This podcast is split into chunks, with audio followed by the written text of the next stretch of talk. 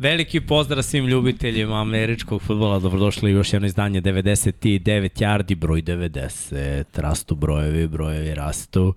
Koliko ima dobrih igrača sa brojem 90? Ima ih. Pa ima poprilično sve ovi defensivni endovi, taj fazon. Pa da. Život je bio 90. Zar nije? Mislim da je 99. 99. No, mislim, da. da. Specijalno. Njegov dres treba da, da zatražimo ovde, da ga treba, uramimo. apsolutno, da, da. I umesto vot napišemo yard. Šalim se. Da. Pa na, može se napravi naš dres, tako da nije pa to da, problem. realno, realno. Mislim je dobar. Danas smo samo ti ja. Eto da super, to, da, super, da, da kažemo, danas je ovaj tandem. Tandem bicikla, guramo jako Vanje i ja. Da, učinilo mi se da pozadi ovako sam pogledao da je Houston Texans kačket, ali nije to CSKA. Nije CSKA, ja. CSKA. To je negde Foster, evo ga, Arijemet, 23. Da. Prvi put smo iznali ovu knjigu posle dužeg vremena. Nije, bilo je za Taveke. Je bila za Taveke, yes. promaklo mi, promaklo mi. Srki mi reče pre neki dan da, da je ovaj, za sve ljubitelje američkog futbola, naročito franšize Petrioca i sve ljubitelje ovako pozamašnog štiva, o, uskoro možete očekuje, da očekujete i ovu knjigu u izdanju Infinity Lighthouse. Tako da, to je onako jedna lepa stvar. Pročitao sam knjigu, stvarno je ono, fenomenalno. Od, o, odlično insajderski odrađeno. Pa da. Ma nisam ni sumnjao iskreno. Samo što jedva čekam da pročitam na srpskom.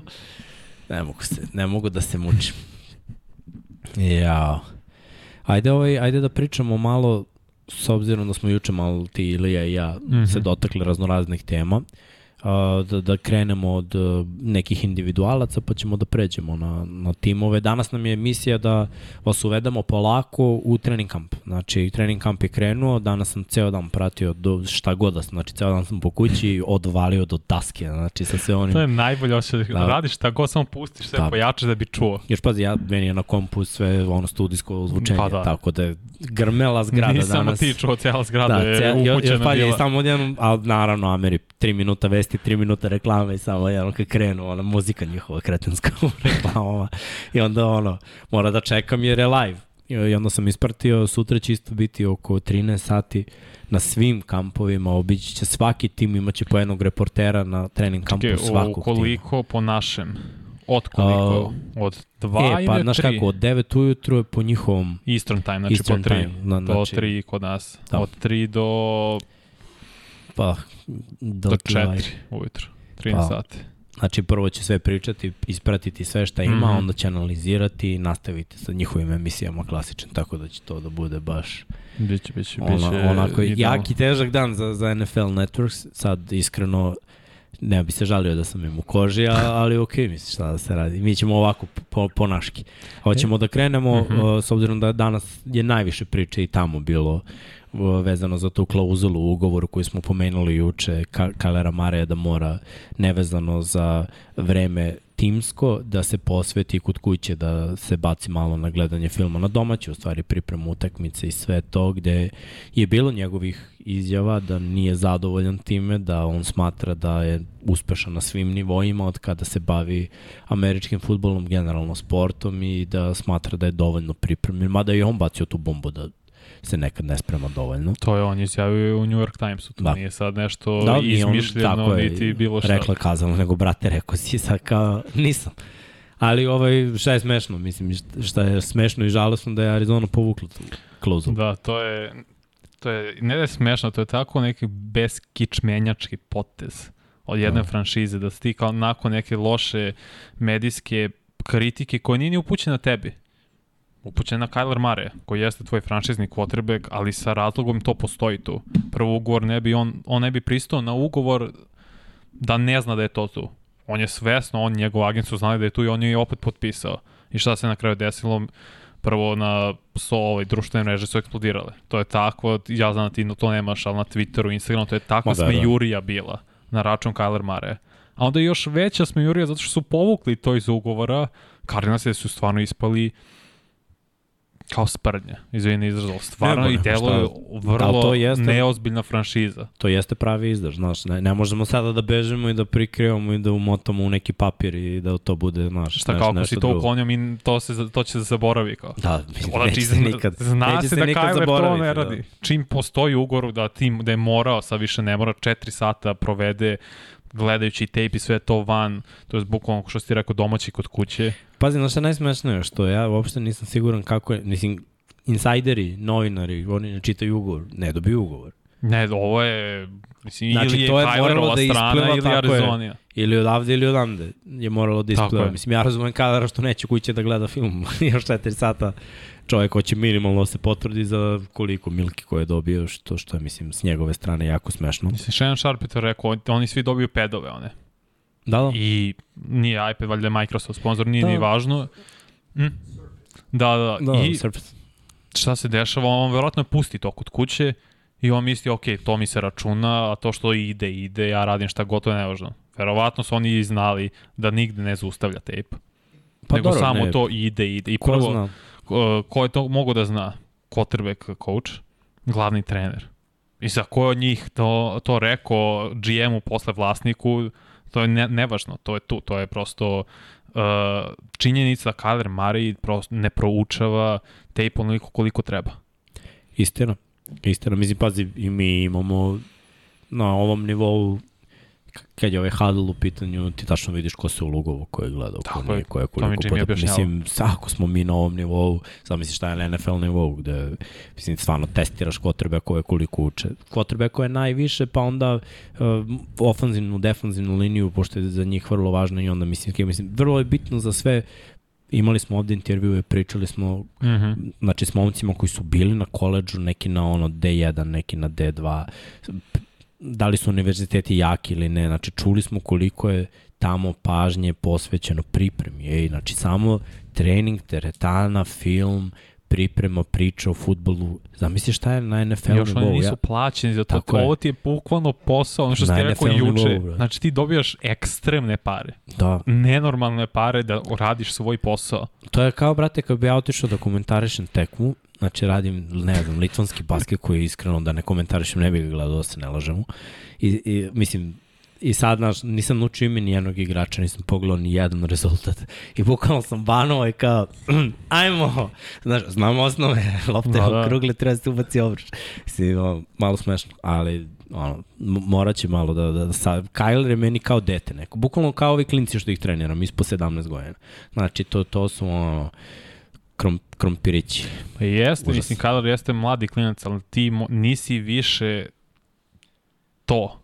Ti si profesionalni igrač koji zarađuje sada još više para. Ti stvarno moraš sebe podigneš na jedan mnogo viši nivo ako želiš ne da napreduješ, nego ako želiš da budeš uh, da ostaneš na ovom nivou. Kad tada tvoje fizičke predispozicije će da nestanu. Zašto? To se uvek dešava sa svima. To se desilo s Cam Newtonom, to se desilo sa Michael Vickom, to će se, na, mislim, to bi se desilo sa RG3 da se nije povredio. Kad ta, taj atleticizam nestane i žao mi je zato što je e, reč o afroameričkom quarterbacku.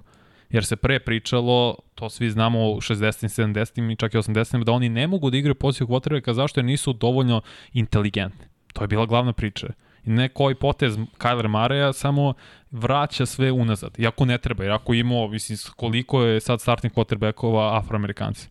Mislim da ne znam Da. da li je pola lige, ali skoro. Dosta, ali pazi, ne bih, ne bih baš rekao da nisu inteligentni, nego se više oslanjaju na fizičke predispozicije. To da. To, to je definitivno. I, ali opet, priprema je osnova svega. Tako na svakoj je. poziciji. Tako je. Znači, svaku poziciju u NFL-u ako želiš da igraš, mora budeš pripremljen. Mora, mora budeš bolesno pripremljen. Moraš da znaš tačno gde si. Ja se sećam kad sam gledao, na primjer, Kiklija i njegovu priču koliko on provede 8 sati. 8 sati, brate, je mnogo dnevno da ti provedeš uz playbook, uz snimke.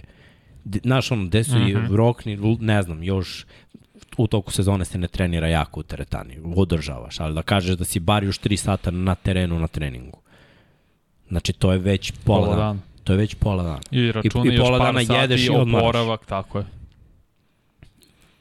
Ali je, zato je Luke Kikli jedan najboljih na svoj poziciji je. u poslednjih 20 godina. Tako je, tako je. E pa sad, Prosto dobro, jednostavno. re, redko ko je spreman. Dana, današnje vreme ti nekako i ne terate da, da, da, da se žrtvuješ toliko i nije, im toliko stalo. To je neko moje mišljenje. U svakom sportu. Nije, jednostavno nije to to.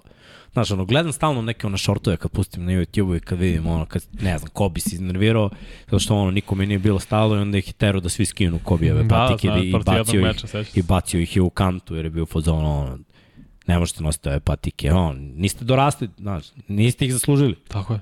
Bukvalno, ono, možete Tako imate je. pare, ali nije to to, te mora se zaslužiti nešto. Tako da ono, biće, biće zanimljivo. Inače, dosta priče vezano za, za Arizonu jeste uh, da Hopkins neće igrati neko vreme, povredio se Hollywood Brown, uh, isto go zadnju ložu, tako da on isto ne trenira. Uh, onako, čekamo i dalje taj oporavak u backfieldu, to je onako malo znak pitanja kako Hoćeš će da tu da bude. od Arizone onda? Pa ne, samo kad smo već Aha. tu individualno, možemo tako individualno, pa ima par igrača individualno. Može, može. Ove, ali ajde, da, da, kad smo već na Arizoni, da, da budemo tu još uvek pa možemo da ostanemo u diviziji. Pa tako je. Baš što se rekao, ko će sada biti, oni imaju mislim, opcije i Rondell Moore i AJ Green i dalje tu, tako da u napadu, ok, i uh, Zach Ertz je prvi Jeste, da. tako da... Nekako mi je nedorečena priča, znaš, otišao je najproduktivniji Jeste. rusher da. posle pet godina, tako uh, Chandler Jones koji je trenutno od svih aktivnih igrača najviše sekova ima. On ima najviše sekova u franšizi Cardinals ikada. I onda je veliki problem nadomestiti to, kako će to uraditi, da li će uspeti, evo pomenuli smo malo pre uh, JJ Watt-a, TJ Watt je 90. Da, uh, JJ Watt koji je da. jako, jako uspešan međutim bio, sad, sad je onako Isto povređuje prošle godine povređuje, tako je starije, već nije više to to. Onako ostaje znak pitanja koji mm -hmm. lider u toj odbrani i kako će to da izgleda. Ne znam, kada po, gledao sam danas malo trening kamp i sve, za sad mi je utisak ono, loading 25%.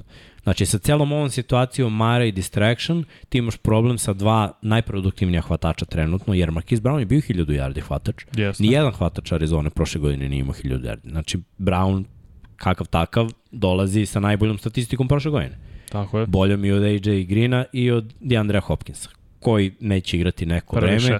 AJ Green u problemu i rekao si Rondell Moore ko, koji treba ga očekivati da bude svudan na, na terenu, ovo je njegova breakout godina. Onako, do, do, dosta nedorečenih stvari, Arizona je meni dalje tim koji ima veliki problem da završi, mislim da mora da se poradi dosta na taktici, mislim da mora dosta da se poradi na balansu jer ono spread i prangijanje Mareovo, to meni nije rešenje. Online mi se nije poboljšao toliko. Pa u, jedan od loših je stvarno ofenzivnih linija, pa rekao bih je neki top 6-7 na drugoj strani. Da.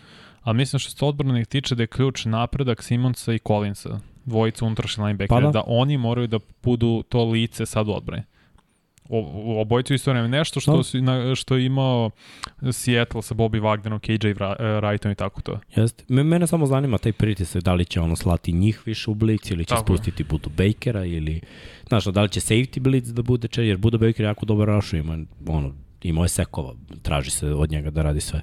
Tako da on tome je neka priča trenutno za, za Arizonu, ovo je skrenulo pažnju s terena nekako ove, ove glupove priče, suspenzije i povrede ajde da kažemo da je to, ali ono, nema strašnih povreda, za sada mi deluje da, da ono, Arizona kako je krenulo, moraju u mesec dana Koliko da će Marquise Brown biti odsut?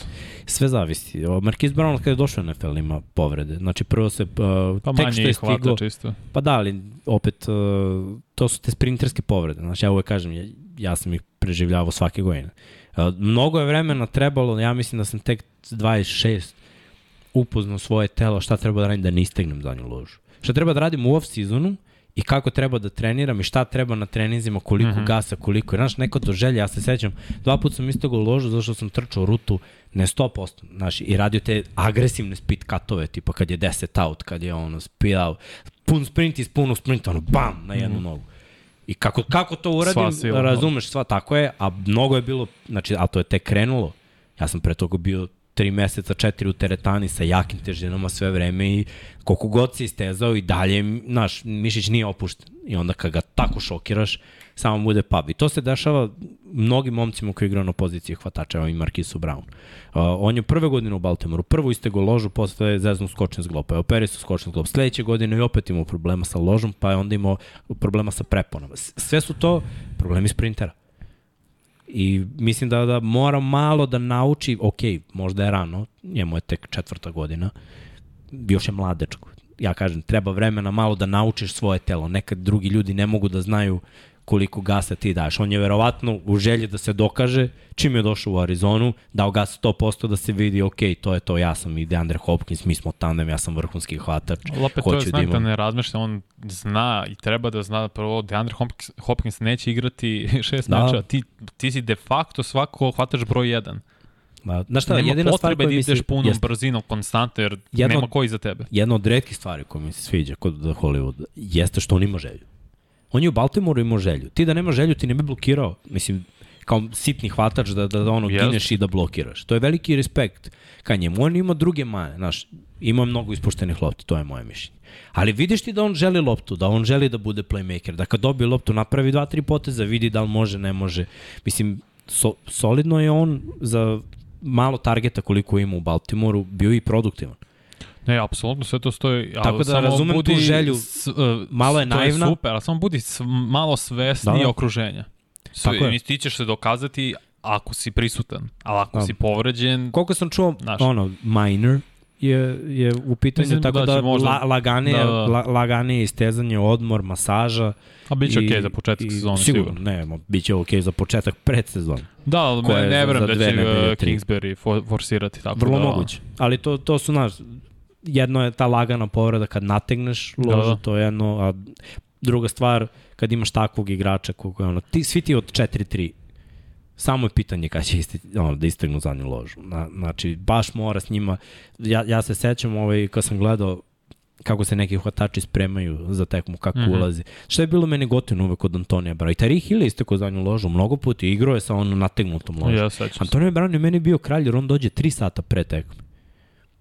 Tri sata pre tekme on dođe i obleje u šorcu i majici i onda džogira, zagreva se, pa malo hvata teniske loptice, pa onda malo krene sa hvatanjem loptice. To je tri sata pre. Znači ti otprilike sat vremena pre sat vremena i deset kreneš kao tim da se zagrevaš. Specijalni tim, returneri, izađu, ne znam, 20 minuta ranije da malo hvataju punt, da malo hvataju kick-off. Ali pazi ti koliko je to ranije. To Zašto? Prate, da se oznaš da, da, da, da, ono, da pokreneš telo, da pokreneš mehanizam. Da, da. Uđeš, na, staviš slušalice, pustiš neku ziku koju gotoviš i, i uđeš u, u taj tempo. To je preko potrebno. Gledaj Del Beckham, kakav je to atlet. Deset puta isto go zadnju ložu. Sprinterski problem. Moraš ranije, moraš, moraš, jednostavno moraš da se posvetiš više održavanju. A to je i Antonio Brown zna ta posvećenost i on bio pik šeste runde. On je znao ja moram da radim više od svih puta tri da bih dobio uopšte šansu da yeah. pokažem ono šta mogu. Ali ima I malo... to onda ostalo sve vreme. Kad yes. je bio najbolji hvatač u ligi, to je, taj režim mu je ostao. Ima malo i do glave, znaš. Ima. I, I nema veze što si šed, znaš, nekad i pik prve runde, ima to u glavi. A ima, Julio. Hoću, hoću, znaš, da izađem ranije, hoću da, da dam sve od sebe. Tako da ono, to, to mi je za sad priča za Arizonu, pa bi skoknuo na Seattle jer je DK dobio ugovor. Tako to mi, je, to mi je ono priča sad sledeća, ostajemo tu diviziju na zapadu NFC. Tri godine 72 miliona je produčenje ugovora. Da. I sad ono što je meni jako zanimljivo je ta četvrta, može da se uzme u obzir da je C ugovor 76. Uh, on je dobio bonus za potpisivanje 30 milki mm -hmm. i svake godine ima neki uslov da bi dobio zagarantovanu sumu. Znači sad je zagarantovano 30 i sledeće godine, ako ne znam, pročitao sam, ne mogu da se setim baš na pamet, ali tipa ako na, na prvih pet treninga kada krene kamp, ako bude bio tu, ne znam, dobije još 12 zagarantovanih. Pa ako one tamo bude Evo, ovo ili ono. Klauzul. Tako je, to je ono, dokaži se još uvek, mladci, nisi bio pik prve runde, dobit ćeš pare, ali nam treba posvećenost 100%. Što je, što je skroz okej okay, sa strane Sijetla. To je ono što sam ja rekao, ne vidim da DK ide, Jer mora se prodaju dresovi, neko mora bude zvezda. I mora njegovo je vreme da on bude zvezda. On je jedan od onih momaka koji isto vredno radi i on uvek izađe ranije i zagreva se. On te, tek ima problema, treba voditi računa o nolikom telu. Meni se on jasno njegov ishrana kad je bio kod Kevin Garneta sad u off-season, kad ispriča šta on jede zapravo i koliko je to i mala količina i, i realno jede bombone i pije da. kafu. I. Kako ti... I, ali to, to, pazi, ima, ono ne, ima jedan ogroman obrok, to je isto rekao šta jede, to ja sam ne znam, nije išao detalje, ali ovo ostalo, da. to je nerealno. Pazi, kada lik lagano održava 100 kila kao hvatač, znači on, njemu ta baza nije 100 kila, znači on bi lagano mogo da ima 110. Da, da. Samo je, on se spušta na 100. To, to je bio, na, na primjer, meni u glavi sve vreme kada je Terrell Owens bio, Terrell Owens je bio tako lagan sa 100 kila Nije ono kao da se on Koliko bori da dođe do mali 100 kila. On se ne masti. trudi, on se ne trudi uopšte i na 100 kila. Znači kad bi se malo opustio i krenuo ko Chad Johnson da ždere mek, razumeš, i pije kocu, verovatno bi bio na 110 sa posle mesec dana. Mislim, krupni su, to su momci 6'3", razumeš, njima je 100 kila ništa, ali stvarno ja se sećam i Terrell Owens, pošto sam ga ja pratio ono, do iznemoglosti u ono vreme kad nije bilo društvenih mreža i, i, i svega, sećam se, znači gume, meni su ušle u naviku treninga, u rutinu, kad sam gledao Terrell Owens i kad ih je Ruben doneo, kad je došao ovde bio u foodzonu, ono, bukvalno samo radi s gumom. Kad god imaš ono problem za rehabilitaciju, kad god ono hoćeš da se zagreš za mišiće, za sve posle teretane, pre teretane, uvek, gume, gume su zakon. I tačno vidiš koji igrači radi s tim, dovoljno koji igrači ne. Ali Dickie McAfee je sada malo bacio u senku Samuela, sad će i San Francisco, pričat ćemo o tome, moraju mm. -hmm. ono da, da daju taj ugovor što pre, jer je McLaurin dobio ugovor, sad je dobio Dike ugovor, svi malo bolji hvatači su dobili Svi ste ugovor. draft klase dobi, su dobili Tako je. ugovor. Tako, Tako je, da- tako da, da očekujem da, da će i on dobiti. Sad ovi koji su pikovi prve runde, kao e, AJ Brown je dobio ugovor, Mm -hmm. uh, Hollywood je- uzet će mu opciju, ali verujem da ako bude bio na polovini sezone, ok, tad će već da odrade Tako je. Onaj novi ugovor, pošto to, se, to je nešto što se očekuje, ne daš pika prve runde da bi ga pustio tek tako, nego, nego ćeš da ga potpišeš long term. Za Seattle je ovo super stvar, oni moraju da zadrže ovaj kor. Imaju oni dobrih, Pričali smo juče, imaju i dob... generalno u napadu imaju super priču što tiče playmakera i meni se Da. mnogo sviđa i Kenneth Walker sa Michigan State-a, Bić ima, kao što smo rekli, Dobar mi Dike je onaj Metcalf. mali hvatač što smo, ne ove godine, nego prošle što je bio druga ili treća runda. Teško ime ima, mogu da ga zapamtim. Ali ono, eksplozivan, shifty, mali, on je 5, Jeste, 5 e, 8. on je mislim da sad e, na depth chartu treći hvatač, Da. pošto sam gledao, ali iza njega je Marquise Goodwin. Da. I tu je taj, Tyler Lockett, tu je i Noah Fant, ofensivno ne malo bolje i dalje mislim da je u Pazi, top 10 najlošijih, ali popravlja se, draftovali su sada ofenzivno teklu u prvoj rundi. Tako da mislim da ima neke priče za Seattle da je to izgleda bolje nego što je generalni utisak. U odbrani to je već druga priča. To je pitanje da li može Jordan Brooks da je iskoči kao novo lice odbrane, kao novi poznaci navodnika Bobby Wagner. Vidjet ćemo u secondary Quadre Dix, Jamal Adams, šta može, ko će biti, koji su cornerbackovi sada. Ali glavna priča mislim da će se vrtiti u napadu, da će igrati na veći broj poena. I ko je quarterback?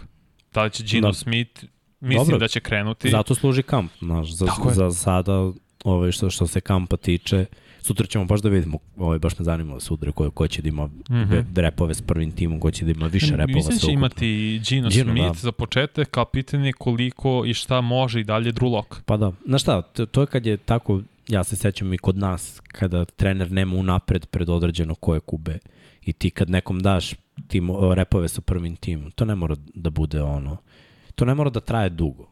Mislim, ja se sećam i, i ono, i, i kad sam, ovaj, ja na primjer kao hvatač i mi na nekim drugim pozicijama, ti nekad i kad ne kreneš kao starter, znaš, budeš, ne znam, slot, Uh -huh. i budem ono slot i ako se igra s tight endom i nisam prvi slot, nisam u formaciji. Ako idem, igram u spread s dva hvatača u slotu, u formaciji sam i nekad je potrebno tipa tri dana.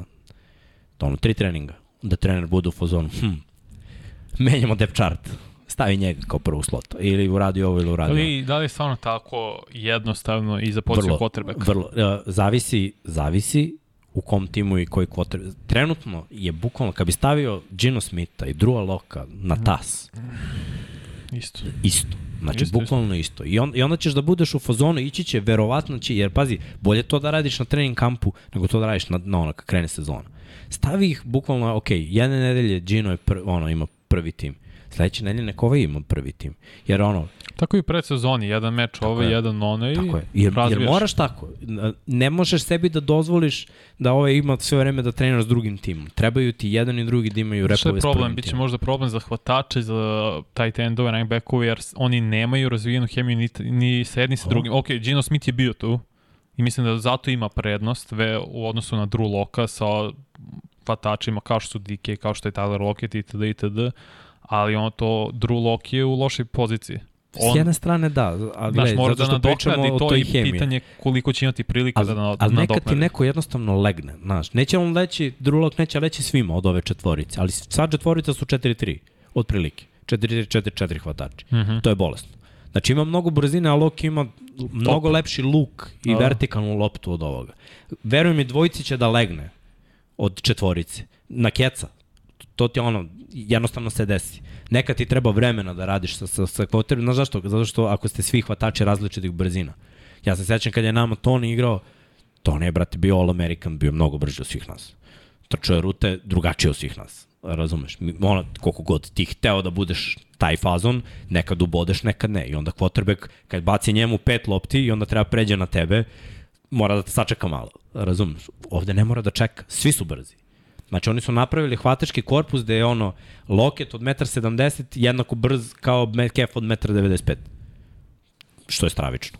Jasno, da, apsolutno. Tako da s tog aspekta verujem da svako od njih može da uđe u break, izađe iz breaka, da vertikalno trči isto i da, mm -hmm. da će biti mnogo lakše da se ono povežu, da, da, da se uhvati hemija. Druga je priča kad imaš totalno različite hvatače. Znaš, ovo jedan je spori, jedan je brži, jedan trči samo pet ruta, drugi trči devet ruta i onda ti treba vremena da uhvatiš hemiju. Ovde ja mislim da imaju ove male hvatače okretne koje mogu da trče sve rute, jedino DK ne trči sve, ali DK je ono outside strong receiver i, I to je i to. to je to. Tako da ima, ima ovaj, uh, rekli smo juče da se Carson Penzionisao, penzionisao je. zbog povrede, eto i to imamo ovde. Zato ću odmah sada, mislim da će Kenneth Walker četvrti biti jedan od kandidata za ofenzivnog ruke godine. Da će dobijati prilike, možda će Rashad Penny krenuti kao startni running back, ali talent ne može se porediti stvarno Walkera Jeste. i Penny. Baš, ali ono, vidjet ćemo i tu kako će ići uh, repovi s prvim timom Da, da. i sve to. Mislim, Penny, od kad je došao u Seattle, ima problema, stalno je povređen. Ime stalno, da, upravo to, bravo. Nije odigrao Upravo. ni jedan, ali kad je igrao prošle godine, na primjer, imao streč od mesec dana kada je bio Sonny Michela najproduktivniji trkač u NFL-u, što je na, potencijal je tu, samo ono, mora budeš zdrav da, da, da bi se pokazao. To mi je nekako za sad priča, jedva čekam da vidim kako će se nastaviti taj trening kamp uh, Seattle-a. Mislim da su oni trenutno najgore ekipa u toj diviziji, da idu svesno u rebuild, ali obezbedili su par stvari. Imaju Lokita, kao jednu zvezdu, imaju Dike McAfee kao drugu zvezdu potpisano, sad ono, traže quarterbacka, vidjet ćemo, evo, i, i Jole DJ uh, kaže ovde da ono, postoji neka pričica za Jimmya Garoppola i Jeste, to, to nije, nije nemoguće.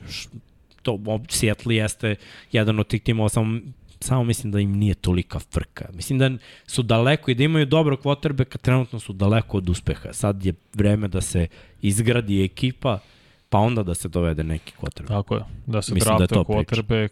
Kada s Wilsonom nisu uspeli, teško da Godinama, će, da. a pazi, imali su malo bolji tim.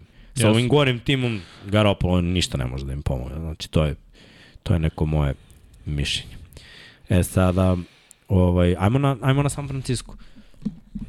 Pošto ovaj, najveća priča, najveća priča je uh, vezana za poziciju quarterbacka, gde Garoppolo ne trenira, gde je Trey Lance definitivno starter, ima uh, pa da kažemo rešenu priču već, da bude startni quarterback i da ove sezone vodi 49ers, već je bio tu godinu dana, sedeo je, učio i igrao je samo u Kolamar, ono prve godine, četvrti down, treći down, neki read option. Nije imao pravu priliku, sad će imati pravu priliku, verujem da će igrati pre sezonu. Mislim da je tim i Mora. dalje pretalentovan, počevši od linije skrimidža, pa preko skill pozicija, malo se toga promenilo. Najveća mana trenutno je nezadovoljstvo Samuela. Jer ako Dibo Samuel ne dobije ugovor, ja sam ono, ubeđen da on neće šteti trener da igra. Mislim što je sasvim okej kada pogledaš da su svi drugi dobili ugovor, znači koliko god oni bili dobri, nemaju sezonu kakvu imao Dibo Samuel prošle godine. A ja znam da je zamisao sigurno, nakon odlaska McDaniela, da će verovatno imati loptu isto, ako ne i više puta nego prošle godine u svom posjedu. Znači on sa razlogom želi pare kako bi se osigurao Tako od je. eventualne povrede. I nema ugovor, nema pete godine ugovor. On je bio druga runda, Da. to smo već spomenuli. Sada da se vratim na Trey Lance, bit će zanimljivo. Mislim da će biti 49 bolji sa Lancom u to RP opcijama. Run pass option. Zašto Lance je prvo mnogo bolji atleta. Odlično trči s loptom, to smo videli na koleđu. Imao je čini se 14 istračanih touchdownova na koleđu u toj godini, u drugoj godini kad je igrao 2019. Mislim da će tu 49 biti opasniji, bit će maštoviti, jer to nisi mogu da radi sa Garoppolo. Da. Objektivno. Ovde sad imaš running back, Dibo, Ayuk ili Lance uzme za sebe i strči. To je noćna mora za odbrane. Jeste, može da bude baš zanimljivo. To je ovo što si Iskreno, pričao ba- za Cam. Newton na, o, juče. To je tad bila noćna mora. Ovo je isto još je brži Trey Lance. Nije Da. toliko jak, nije, nisu te fizičke predispozicije, ali je brži od Camel. I bolji su ostali igrači nego što je imala Karolina tada. Znaš šta, bolje ofenzivni koordinator, mislim, Bolje govorim, linija. govorim o Shanahanu koji je, mislim, glavni trener, ali ja Tako ga je. gledam kao ofenzivnog koordinatora koji će sigurno, on, on je majstor da napravi, da izgleda kao jedno, a da uvek ima nešto drugo. Uvek su njegove opcije, jedan je slobodan. Kad gledaš pas akcije, znači još od Washingtona pa preko Atlante, uvek je neko slobodan. I, znaš, i kad je dizajn kakav god je i trčanje i dodavanje, uvek imaju neku dobru opciju. I zanimljivo za njegov playbook, nikad se nije zasnivao na bunarenju. Znači, jedine te vertikalne rute bile su u Atlanti kad je igrao Julio, ali mislim, bio bi mnogo glup kao trener da ne iskoristiš tako je. 4-3 lika od 1,92-3 koji možda naskoči petoricu i da uhvati loptu. To, to je jednostavno moralo da se iskoristi. San Francisco nema taj game plan. Tako da me baš zanima na šta će to da liči. Iskreno i odbrani kad pogledam i dalje imaju jako talentovane igrače. Mislim, ono- imaju jednu od najboljih linebackerskih uh, grupa. Da. Defensivna linija brutalna. Kao što Kvon je- Alexander je otišao. Jeste, potpisao je za Jets. Da. Eto, oni smo... Ne, Jets, Jetsi rastu polako, ali sigurno doći ćemo do Dobro, njih. kod vrati se kod Salaha, da. Da, Zna sistem, ali i dalje i odlaskom njega i mislim su i, kad, oni su katali je tako? da, da. Da, ali Ali dobro, u D-line-u ima, i- ima igrača. ima, ima, ali opet će biti pitanje taj secondary koliko će front seven moći da maskira neke mane secondary, koji nije, nisu prosto toliko talentovani tu kao što su poziciji defanzivne linije Jeste. i linebackera. Ali ono, možda će im ići na ruku što je divizija, mislim, ono, znaš, dovoljno su dobri da se izbore sa Arizonom i Seattle. Jesu. Tako da, Oslabio i, da, i dalje deluju, zapad. da, i dalje del, dosta je oslabio. Od jednog trenutku je bio ko što je zapad AFC-a sad, Da, da. sad više nije ta priča.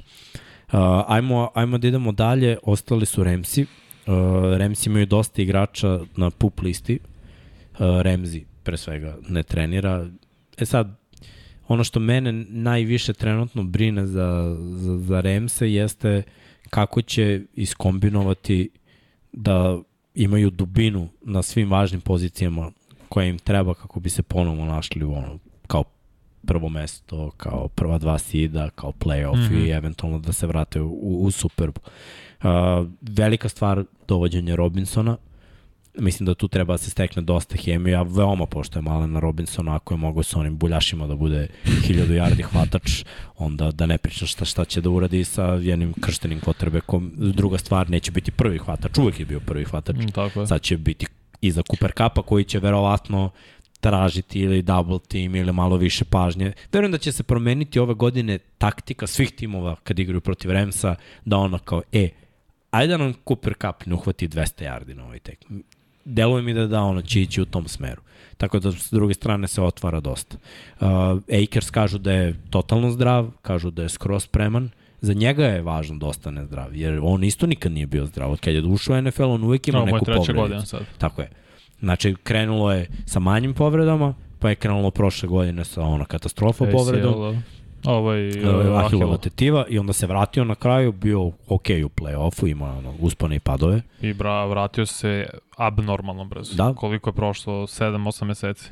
Ja mislim da je manje. Ili Mislim 6? da je šest. To je, Ali- ali- to je suludo. Da. Ali eto, vratio si sad ima priliku, mislim. Mislim da je još jedna glavna stvar tu kako zameniti Whitworda na poziciji levog tekla. E, bili su mi oni ok i bez njega. Pa jeste, to ok, da li je sada dovoljno dobro? Vidjet ćemo nakon, sad imaš celu Da. sezonu gde ti moraš da ga menjaš konstantno. Da, biće, E, biće tu akcent. Čini mi se Noteboom, da je... Da. Ej, Notboom je super odigrao. Kad god ovaj nije bio tu, ali Notboom je bio i starter pre par godina, mm. -hmm. samo ne na levom. Bio na desnom. Tako. Da. Tako da ono, ja verujem uvek ka, kada neki igrač nije to, ne znaš ko je pa je došao. Nije, tu i u sistemu je već godina, je. samo Sve sad znaš- konstantno mora bude premijerni levi tekl. Jeste. To je samo pitanje da li može. Njihova ofanzivna već dugo vremena igra na visokom nivou. Imali su jedan, ono, jedna godina loš. 2020. je onaj pad. Od Tako je. prve, od najbolje do najgore. Tako je. I to, to je bilo vezano za, za ofanzivnu liniju. Mislim da, da je malo povuklo i to da, da su se nekako skloni da će Grli da bude i dalje ubica a već nije bio na kraju prethodne Da. godine. I onda onako malo i kada ne trčiš, kad imaš kvotrbeka koji se plaši, i dalje misliš da si najbolji ofanzivni tim, ma, malo to ide na štetu ofanzivne linije. Ali to što su oni uspeli da naprave taj bounce back, opet od najgore do jedne od najboljih, to ti govori o tome da su oni zapravo sve vreme bili dobri. Sad samo je bio jedan ozbiljan pad, onako forme, pad svega i da su drugi timovi se malo Izdigli. izdigli. Tako da verujem da, da može. Meni su Remci dalje jedan od najvećih kandidata u, u NFC-u. Zanima me samo od ovih svi igrača koji su povređeni, koliko će ih štedeti, šta će se tu desiti, da li će potpisati Bekama kao dubinu sada ili malo kasnije, da li će obratiti pažnju na s obzirom da, da su oni tim koji onako vreba ove veterane, neke koji su ostale na mnogim pozicijama, da li će tu malo da se popune uh, i, i koliko će ih, pošto već imaju neke veterane, da li će ih iz, zaobići malo taj voz povreda, koji ono svake godine te veteranske timove zna, zna onako malo da potkače. Rams su specifični za što Sean McVay ne izvodi startere na predsezonske mečeve. Tako da će oni imati bukvalno avgust da se oporave se, da se fokusiraju da. na oporavak tela, da se dovedu u red i u ritam za prvi meč sezone što Jest. je protiv Buffalo Billsa. Jeste, ali pazi, prošle godine je toliko bilo povreda, mislim, seti se da su sa Erikom Edlom furali playoff koji nije igrao dve godine. Tako je. To ti govori, nisu imali dubinu. To što se, e, mora, mora, mora da obrate pažnju na tako neke stvari. To me zanima da li ću raditi. To me je najveći mm -hmm. trenutno strah za, za Remse, jer, znaš, jedne godine će ti proći taj Vedl je, je bio sve. pa top 5 igrač na svojoj poziciji 7 godina sigurno u NFL-u. I uspeo je nekako na to znanje, na šmek, na iskustvo da izgura taj playoff moraš da, da, da, da razmisliš o, o tome da ne, ne može svake godine da, da bude tako. Dalje bismo sad da završimo sa NFC zapadom, rangirali pa. bih Ramsi, 49ersi, Cardinals i Hawks. Isto, isto. Uh, ajmo, ajmo odmah da idemo na povredu Ryana Jensena, mm -hmm. pošto sam saznao šta je u pitanju, u pitanju kraj sezone. To smo i prepostavili. Uh, čim ono, izađe na kola, to je to. Veliki problemi za Tampu. Uh, Jensen se vratio, bukvalno kad je Tom rekao vraćam se, Jensen se isto vratio, pošto je on pričao o tome da se penzioniše. Jensen je brutalan centar, centar koji ima Top 5 ima mentalitet, to, to je meni najča stvar. To su svi ti centri, na, on je igra u Baltimoru, znam kakav je bio tamo. Uvek želi da on bude glavni na terenu, da ne samo snapuje loptu kao centar, već ono da ide na pulove, da, da ide da ubije nekog, da pancake-uje. Stvarno ima dobar mentalitet i uklopio se u sve to. Sada Tampa iza njega nema iskusnog centra. E, Veliki je problem kad je Tom quarterback i kad nemaš iskusnog centra. Zato gledam JC Tretera. Tako je. To, to, Buh, to je sada da je priča to... koja će u sledećih nedelju dana verovatno da... Moraju da ga potpišu ovako već do ponedeljka da to završe. Da. Neophodno je prvo da bi Streter ušao u sistem, da bi imao tu sara, da bi razvio saradnju sa Tomom i mislim da je to idealno rešenje koji je isto Treter koji je bio jedan od najboljih centara poslednjih 3-4 godine. Tako je. Šokantno je bilo kad ga je Cleveland katovao. Da. Ali dobro. Dobro, Cleveland je morao. Da. Morao, da, ali ovo je idealna prilika za Tampu. Da on nije na raspolaganju, to bi već bio ozbiljan problem.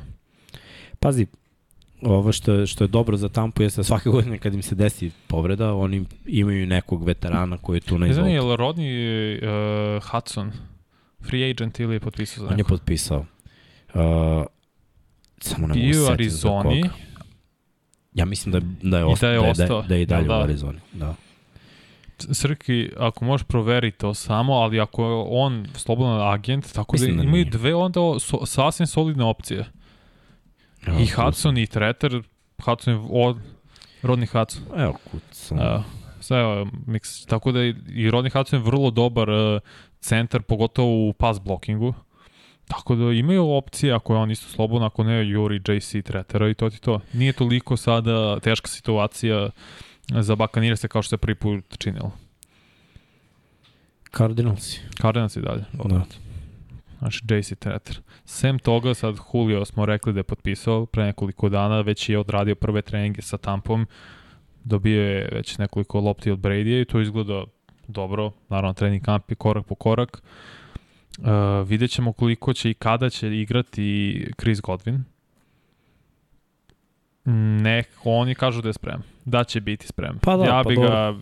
To ono što oni kažu sad. Iskulirao da do da oktobra oni... i potpisao si i Julija, potpisao si i Kyle Rudolfa, imaš Brejta, da. imaš Russell Mislim, Gage-a. Gledaj, čitao sam nešto i da Gronk, ako poželi da se vrati, tu je vrata su otvorena. Naravno. Ono što je meni onako mali problem jeste sad trenutno linija skrimidža, gde ono, online, ako ne dovedeš tretera, stavit ćeš rezervnog centra za startnog i koji je njemu rezerva.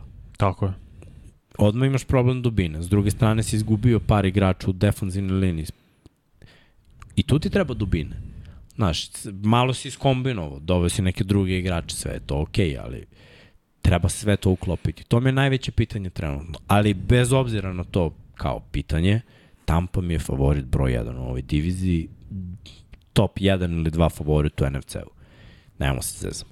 To, to, to, to je stvarno ekipa napravljena.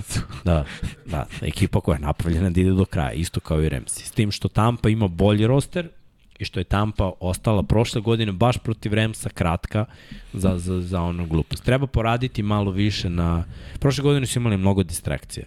Imali su onu situaciju s Antonijom Brownom, onu glupost. Kako, to je epska I, Imali su problema dosta sa povredama kornera, pa je došao yes. Sherman, pa on nije mogo da igra jer se povredio i on. I, znaš, to, to su neke stvari koje, znaš, gurali su koliko su mogli, ali je nešto falilo. I onda se Gadvin povredio, to, to je bilo najteže To je logično. Godinu dan pre toga kada su osvojili, bili su svi kompletno zdravi. Mislim, to je sve stvarno igra sreće. To ne možeš konstantno da budeš zdrav na svim pozicijama dve, nekoliko sezona za redom. To je, ja ne pamti ko je to imao. Videli smo što se desilo u Baltimoru, njima ćemo posle. Tako da takve stvari dešavi i pitanje kako ćeš da prebrodiš. U defanzivnoj liniji ovog što su ruke, e, to je igrača kako su draftili prošle godine, sada druga teško mu ime da, da izgovorim ako možeš posle pronađi, on će zameniti JPP-a. On je Shaquille um. Barrett. Tu je sad Hicks uh, umesto Just, uh, Sua. Sua. Malo bolja opcija, malo je mlađi zbog toga. Oni Vita V, mislim da je to sasvim ok s te strane.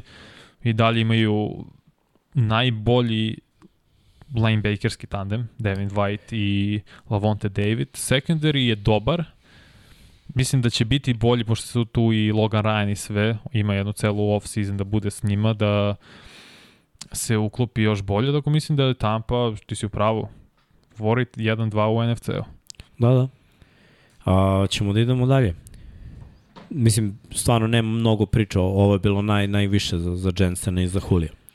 A, očekujem još poteza Tampe, kako, kako se bude bližilo, mm -hmm. znači kako krene predsezona i to. A, krenuo bi sada dalje, uh, presko, ajde možemo na Saints, pošto su oni favoriti, ajde broj 2. Njihova odbrana je i dalje brutalna, imaju par nekih promena.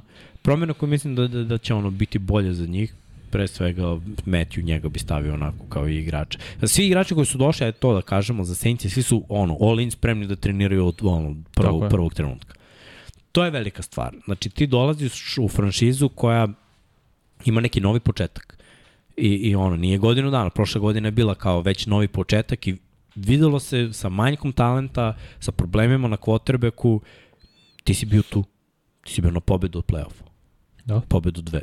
Imao si COVID gde ti nije igrao niko. Imao si 20 da li je bilo šest Svi ili sedam igrača koji nisu igrali Tako. na utakmici koja je ono, bukvalno NFL je morao to da odloži NFL nije to odlučio, NFL je pustio da se igra ta tekma i ono, morali su da izgube tu utakmicu, to je ono, malo nije fair, da, što, što se desilo. Ali okej, okay. Ove godine je druga priča. Ofanzivno, prvo su dobro birali na draftu. Ej, samo ofanzivno, prvo imaju trojicu novih hvatača de facto. Chris da. Olave, Mike Thomas, Jarvis Landry. Odjednom, od prošle godine kad porodiš, imaju da. brutalni da. hvatački korpus. Da, bit će malo pitanje za ovog ovog uh, mladića na Leon Teklu, ali ovaj, ajde da kažemo da, da ja očekujem, s obzirom da je visoko draftovan, da može da bude starter od samog početka, to, to su moje očekivanje. Defanzivno mislim da će dalje biti najdominantniji tim u ovoj diviziji, ako mm -hmm. ne i, i u čitavom NFL-u, stvarno imaju brutalnu odbranu, imaju brutalni sistem i taj defanzivni koordinator im je sad glavni trener. Da, Svi ga obožavaju. Tako. Uh, baš je ono players coach. Vidim da, da, da su svi nekako puni entuzijazma kad se priča o njemu, da su svi u fazonu, to je naš trener.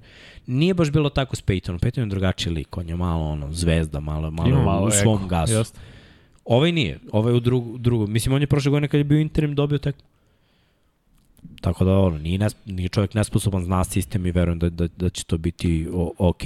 I mislim da, da i Winston može da odradi taj posao sasvim solidno uh, ove godina kada on mora da ostane zdrav e, i kada on mora da, da pokaže sve ovo sav svoj napredak u stvari. Sve ovo što mu je bio problem u Tampi, što je učio na klupi dok je bio u Saintsima, što je krenuo da pokazuje na kašičicu prošle godine, sad može da, da, da probe i da uradi. Ako ne, uradi to, mislim da su Saintsi onako još jedan tim koji će istaći kandidaturu da dovede nekog kvotrbeka koji će biti tradovan slobodni agent ili tako. Neko novo veliko ime koje će ostati slobodno. Daj neku predikciju. Da li imaš sad na umu kao što se desilo da je Russell Wilson tradovan u Denver? Ali svi smo znali da je Russell nezadovoljan naši da se zasitio. Nema kvotrbeka trenutno koji u, neko, koji je u nekoj ekipi već dugo i da je iskazao neko nezadovoljstvo da nije pod jakim ugovorom. Kada pogledaš kome sve ističu ugovor, uglavnom su sve mladi momci ko, koji tek trebaju da se dokazuju. Malo ih ima, znači eto, kolci su pokupili Meta Rajana. Zadržat će ga par godina sigurno. Znaš, jer ni oni nemaju bolje opcije, a bit će dobro Nema. rangiran i neće birati visoko na draftu. Tako da odmah možeš to da prekriješ i da otpišeš. Ovi drugi, da kažem, otpaci veterani, kao što su James Winston, kao što su Marcus Mariota, kao što su Ryan Tannehill, njih računam kao veterane, jer su dovoljno dugo, već dva ugovora su prošli u NFL-u. Tako da, znaš, kad njih pogledamo ovako, budemo u fazonu, nije to put kojim treba da ideš. Russell Wilson je zvezda u poređenju s njima. Znaš, na, znači ti moraš da ideš u, u pravcu nekog, Jimmy Garoppolo, jeste, on je veteran, ali da li je to taj da upgrade je, tako je. Ko, koji, koji ti ono, želiš? Jer želiš da budeš, da iskoristiš ovu generaciju koja može da igraš 2-3 godine, posle će ona krenuti da, da onako otpada malo po malo. Koga bi jedino možda video kao mini upgrade je Kirk Cousins. Pa na primer, pa na primer, da. Eto, Mislim, tu ne verujem, da to su male šanse, stvarno će Minnesota da se odrekne Cousinsa ali i zbog, jer su ga i produžili su mu ugovor, ali baš zbog veličine ugovor i pitanje, mislim da će dosta toga da zavisi kako će Minnesota da završi i ovu sezonu. Ako opet bude bila neuspešna, nemaš razloga da zadržiš jednog Cousins koji vredi koliko 30 plus po godini. Da. Bolje kreni iz početka. Pazi s ovim klasičnim korpusom u New Orleansu. New Orleans od jedno, od jednog najgorih hvatačkih korpusa sad ima jedan od najboljih. Imaš, ako su zdravi. Da. I ako je Mike Thomas na onom nivou, to je stvarno onda brutalno. Jeste. Pitate Milan Mukadin zašto nisi komentator ili NFL-a ili košarke, red bi bio da mu damo priliku, mi da mu damo. Pa ne dajemo, pa ne daj, da, evo, ja ću da rešim. Ovaj, siguran sam da bi bio odličan. Ja znam da bi Vanja bio odličan, ljudi, nije taj posao ono, dream job kao, kao što deluje da jeste. Kao što to... je preko bare. Da, Znaš, ovde na, jeste lepo gledati tekme, ono, kao, i biti u sportu, pratiti, komentarisati sve to, ali jednostavno mnogo je, ja mislim, gotivnije biti analitičar. Vanja svoju karijeru, Vanja ovde u studiju, i za svakog podcasta, i, da, i za jako uspešnih svakog podcasta, je tako? I Lab 76, i Luka, i, znači ti si ovde bukvalno sve. Ne, ne izbija. Dečko je začeo sve to, tako da ono, to je, to je za sada, ja mislim, za, za, za Vanju broj jedan da bude Absolut. to. A posle ćemo da vidimo. Možda Vanja ja budemo odavde komentarisali jel? Tako je, to je jedna od ideja. Kada Infinity Lighthouse okupi prava. ja, idemo dalje, idemo dalje. Karolinu. A, hoću Karolinu, da. Što se Karolina tiče... A, mislim, glavna priča znamo, quarterback, bitka, da. nazovi. Baker Mayfield, Sam Darnold. Da, da, danas sam gledao ovaj malo. Kako ovaj, izgledalo? Ok, ok. Mislim, pustili su ono male, više Willi McGinnis pričao, uh mhm. -huh. ma, malo su ovaj, se posvetili tome šta će da bude, još uvek se ne znam, mislim da ćemo sutra videti to ko će dobiti uh, veći broj repova sa prvim timom, da li Baker ili Darnold, ali ovako kad zaokružiš, kad sve pogledaš i, i oni, pazi, uh, Oni su se baš dosta pojačali na, na nekim pozicijama, imaju dosta novih igrača, tako da ja očekujem bolju sezonu nego prošle godine. Krenuo bi od Bouzmana koji je došao iz Baltimora, koji je jedan od najboljih ofenzivnih linijaša kada je u pitanju pool, igra centra, igra garda. I jednog i drugog garda. I kada gledaš njegove pulove, bukvalno je ono top 5 u NFL-u, ja bih rekao možda i top 3 ako uzmemo to sa interior lineman pozicije, njegove blokove i koji izlazi. To može mnogo da znači. Naprimer, svaki put kad je Baltimore imao situaciju treći ili četvrti za mali broj yardi, 1-2, ide direktno snap na Lamara koji ima lead blokera koji je running back i Bozeman izađe i kick outuje rushera koji dolazi outside. Nijedan blok nije promašio za tri godine. Sad zamisli situaciju treba ti ono, Karolina je imala problem da treći za jedan komerto ili tako nešto. Sad mislim da, da ono, McCaffrey-a pustiš da ima direktan snap. Staviš mu ono drugog running backa ili, ili tight enda kao fullbacka, pustiš ga da ima lead, puluješ ovoga za kick out, mislim, svi su znali da će Baltimore to da radi, tako? Koliko ljudi uspelo Ne da zaustavi zaustaviš, to? tako. Ne može zato što su to stvarno ono moćni igrači koji znaju šta treba da urade. I, I to su neke stvari, ono, ja mislim da, da za Karolinu mora da bude breakout, da uspostavi igru trčanjem. I, i Pomoći da, je tu i je. Kjekvonu draftovan, to Imaju Medveda bolju sad imaju. liniju sad. Imaju. Sada je to njihova najveća priča. Odbrana je meni bilo ok prošle godine, ali kad napad pantuje stalno, ti ne možeš ništa da uradiš. To, to je ono najveći problem. Tako da, moje neko mišljenje za Karolinu mora sve da krene od linije skrimidža, da tu budeš bolji pre svega ofanzivno, da malo zadržiš više posed. I ja mislim da je Baker on lagani starter, jer Mislim ono, da već to smo videli, već smo videli Darnolda, mm -hmm. sad Mhm. je vreme da vidimo Bakera. Baker ima da se dokaže u ovoj godini. Mislim, bi, biće tu velika borba, ja mislim, između njih dvojice, ali kad pogledaš te neke atribute koje Baker ima, ja uvijek kažem to ono, hrabrost, smelost. To nisu, to nisu, to nisu odlike Sama Darnolda, a jesu. Nisu, mislim samo Matt Rule mora da kad bude odlučio ko će biti startni quarterback i da se drži na tome i da presudi. Da ne da. bude posle menjanje, posle meča 2, 3, ne. Ako će ti biti Baker ili Darnold kogod startni QB od prve nedelje, zadrži njega, ostani sa njim makar pola sezone. Da. Prvo to daje stabilnost ekipi.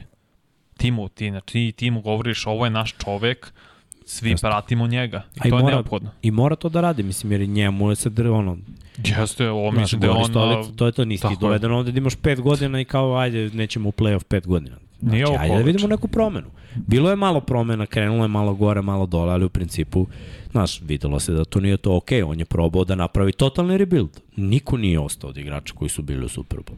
Niko. Sve ih je zamenio.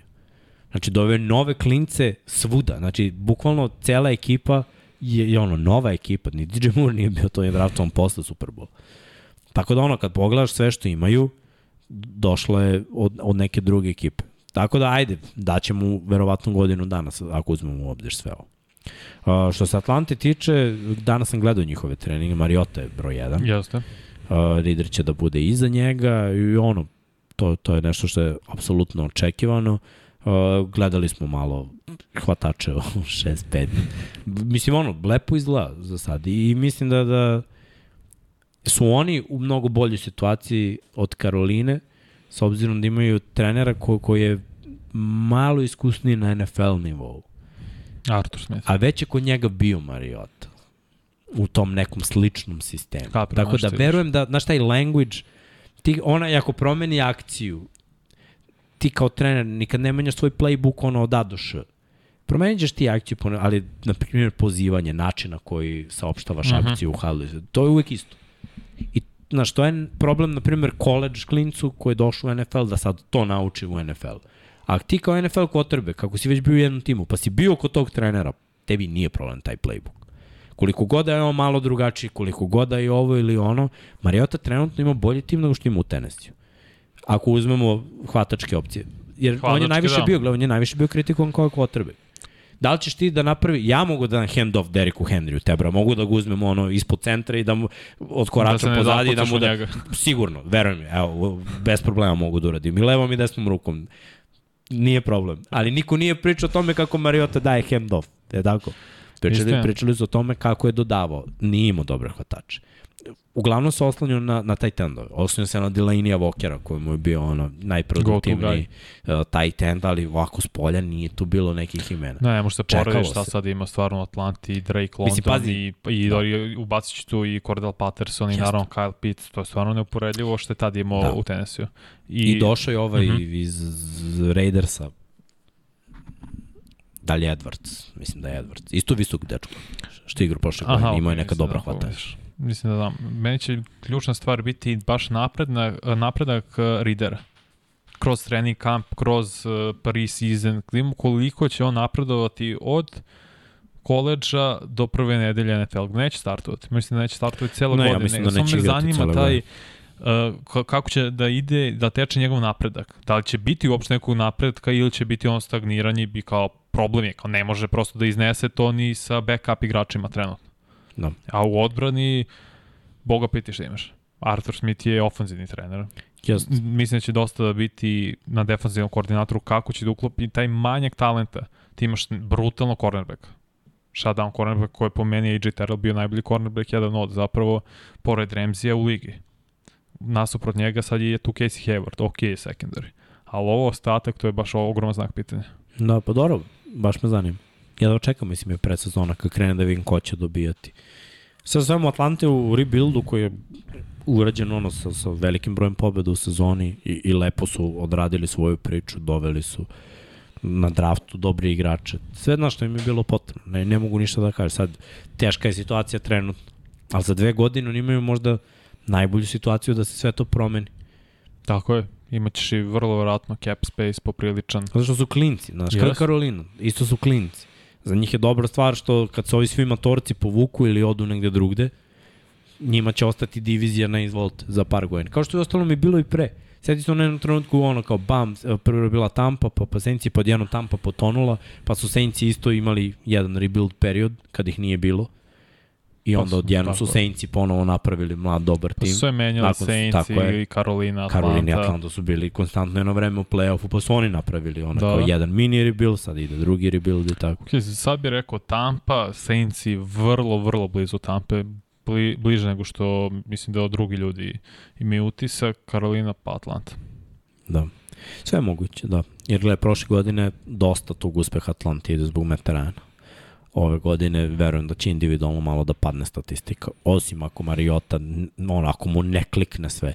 da ja očekujem da će se on povrediti u jednom trenutku jer je on baš injury prone i, i, da, i da će ga zameniti ovaj Ritter. Tako da sumiramo i tu južnu diviziju, sve si već rekao. Idemo dalje, idemo, ostajemo u NFC-u, ajmo malo na istok. Mm -hmm. uh, krenuo bi krenuo bi od Washingtona, njih sam gledao danas, baš, baš zato moram da pričam, jer uh, O, gledao sam Venca, prvi put sam ga vidio u, u ovom dresu Commanders. i Commandersa, tako je i ono, koliko sam video za sada, delo je okej, okay, mislim, stvarno je prangio na, na treningu, de, de, atmosfera deluje okej, okay. čuo sam neke priče da, da Young uh, može da, da propusti pa možda polovinu regularnog dela sezona. Dobro, on si povredio Pa na polovini negde. Da. Malo sam očekivao da bude pro ono, šta znam. A vidiš, baš to je mnogo čudno, znaš. Za nekome je potrebno i čak i Chase Young koji je nenormalan atleta, brutalne predispozicije, više vremena da se oporavi nego, na primjer, Godvinu ili K-Makersu, kome god. Da. To je mislim, svako, svako telo posebno, tako da mi ne čudi što mu treba toliko, ali da, mislim da ćemo ga vidjeti u oktobru. I zato mi je glavno pitanje da li odbrana možda se vrati u onu formu 2020. Uh, sumnja. Te je defanzivna linija gazila sve i maltretirala sve žive. Jeste. Ali i drugo pitanje, to ćeš ti bolje imati odgovor, koja je opcija broj 2, hvatačka? Ne pričam La, uh, Logan Thomas, ok, na tight endu, Anthony Gibson, running back, Terry McLaurin. Koja je opcija broj 2? Pa bit će London. Mora da bude. Ko? Ovo izde je London. Docent. Docent. Da, da, da li on... smo pričali da, da, da, će London da bude draft. Da, da, moguće, gledaj, moguće John Dotson da će biti... Prvo, na tim ruki kampovima je Vance bio. I bacao mu je lopte sve vreme. Mm -hmm. I mislim kao, hvalio ga je dosta. Nije ga hvalio u sistemu, znaš, u fazonu kao da nekog sad on poredi s rukijem, da tipa kaže Dotson je bolji od ovog ili onog. Ali bio u fazonu Dotson to radi dobro kao svaki drugi hvatač kojem, kom sam dodavao. Scarlett Vance je imao u svojoj karijeri dobre hvatače. Ima se. Jeste to malo ono hajpovanje svog saigrača, ali ja verujem da, da, da je ovaj momak dobar. Opet pričamo o momku koji onako malo je ispod radara draftovan tu gde je draftovan, ali neće biti prvi hvatač, bit će opcija broj 2 u sistemu u, u kom pa da kažemo mu nekako ide da trči manji broj ruta. Terry će trčati veliki broj ruta, mm -hmm. on mhm. će trčati kao Z trčiš veći broj nego kao X. Uh, kao X, verovatno će ga koriste kao stretch, no, dig, post, comeback, curl, hitch, fade, to je to. Verovatno je, znaš, ono to, od njega.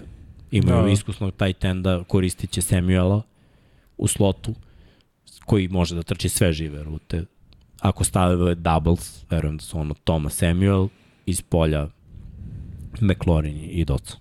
Tako mi nekako deluje. Mislim da je za njih najbolje da probaju ovo prošle godine, Gibson, da, da ima veliki workload. Mislim da Gibson mora da radi mnogo u ovom pripremnom periodu da ne fambluje. Gibson je katastrofa po broju famblova, znači prošle godine imao pet ili šest. To, to je Mora da neprihvatljivo. osmanje, da. Znači, znam running backove koji u karijeri nisu imali pet ili šest, a igrali su 10 godina. Sad, mislim, na primjer, ima je velikana koji su imali, ko je Adrian Peterson, koji je imao ozbiljne probleme sa fumblovima na početku svoje karijere, a znamo da je generacijski igrač i Hall of Fame. Je tako. Da, da. Tako da ono, postoji i posle je limitirao to, jer je počeo da radi malo više, da baca akcenat na tome. Znači, mislim da, da je to neki proces sazrevanja, ofanzivnog sazrevanja i dalje zna, jako dobro treniraju ofanzivnu liniju i mislim da je sve to okej. Okay. Krenuo sam od njih zato što mi je ovako Vance najveća priča, Vance koji jako radi sad na ovom trening kampu. Zbog toga sam krenuo od njih. Zato što se vidi da je ono tu, da je all in, da je fokusiran. Mislim da je Vance kapirao da je ovo posljednja šansa za njega. Nadam se da jeste i neko mi delo da je upravo s tome manji pritisak na Venca sa medijske strane, jer u Eaglesima znamo šta si sve imao. Zato što su manje očekivanja. I to, ali opet u Indianapolisu, kao vraćaš se starno treneru Frank Reich, Indianapolis ozbiljan tim, playoff tim je trebao da bude, nije, zašto, dobrim delom zbog Venca. Ovde Washington sa Commandersima nema nekih očekivanja. Iako je divizija, nije na izvolte, ali je realno poprilično ujednačena. Nije sad mnogo jaka, ali ujednačena. No. Ne može, nije ni jedan tim toliko da iskače, nije ni jedan tim toliko loš, tako svi tu bara Pa da, pa dobro, za koju stepenicu iznad Fila i Dallas. Da, i to opet ništa ne mora znači. Da. Ajde, ajde da kažemo da je to, ide novi rebranding, imaće ono, novi izgled Commandersi, Tako je. imaju ime, imaće ono... Da li imaju probleme Dve, tri- sa vlasnikom, ali Dobro, pa to je standardna priča i... evo možemo skočimo na Dallas i oni imaju problema sa vlasnikom, dobro, samo ne takvi. Jerry je lice Dallas, to je, mislim... Kad pomislim Dallas, pomislim Jerry Jones, ne pomislim Ali opet i niti taj na Dallas- igrača. Taj Dallas i, i dalje, ono, istako ozbiljnu kandidaturu i jako su znatno oslabljeni. Šta, šta mene brine, evo, trening kamp kreće sutra, oni imaju jako tanak depth chart na poziciji hvatača. Tako je. očekuje se u CD Lambo da ima breakout godinu, očekuje se takođe da se vrati Michael nakon Gallup. povrede Galup, ako se ne vrati onako kako oni vide, Tolbert to je problem. da Što se. Šulca tiče, on, ja mislim da, da je ovo breakout godina za njega, gledao sam i pročitao neke članke o njemu, ovaj, gledao sam ga malo, stvarno je pravi tight end. Ima mnogo dobar osjećaj za igru. Mislim da ga je Dak provalio. I mislim da je Dak mnogo srećan. Dak je malo i lobirao da se on potpiše. Jer od Vitena je bilo dosta pokušaja da ono Jarvin bude to, da, da Treba je pronađu, da bude. da pronađu taj tenda. Mislim da je Schultz baš taj lik. To je dobro. Jeste i, i ima određen pritisak na Dak Prescotta, pre svega prošle godine nisi ispunio i očekivanja.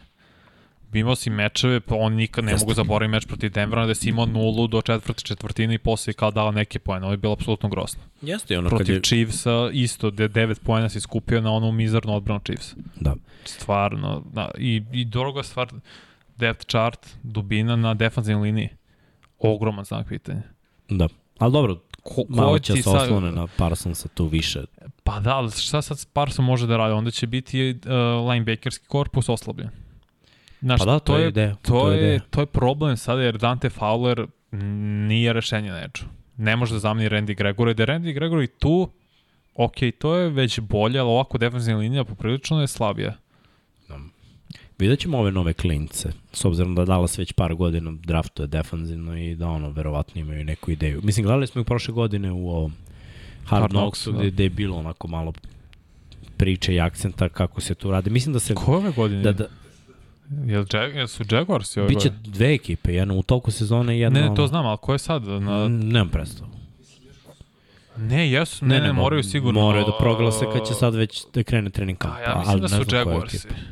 Ili Lionsi.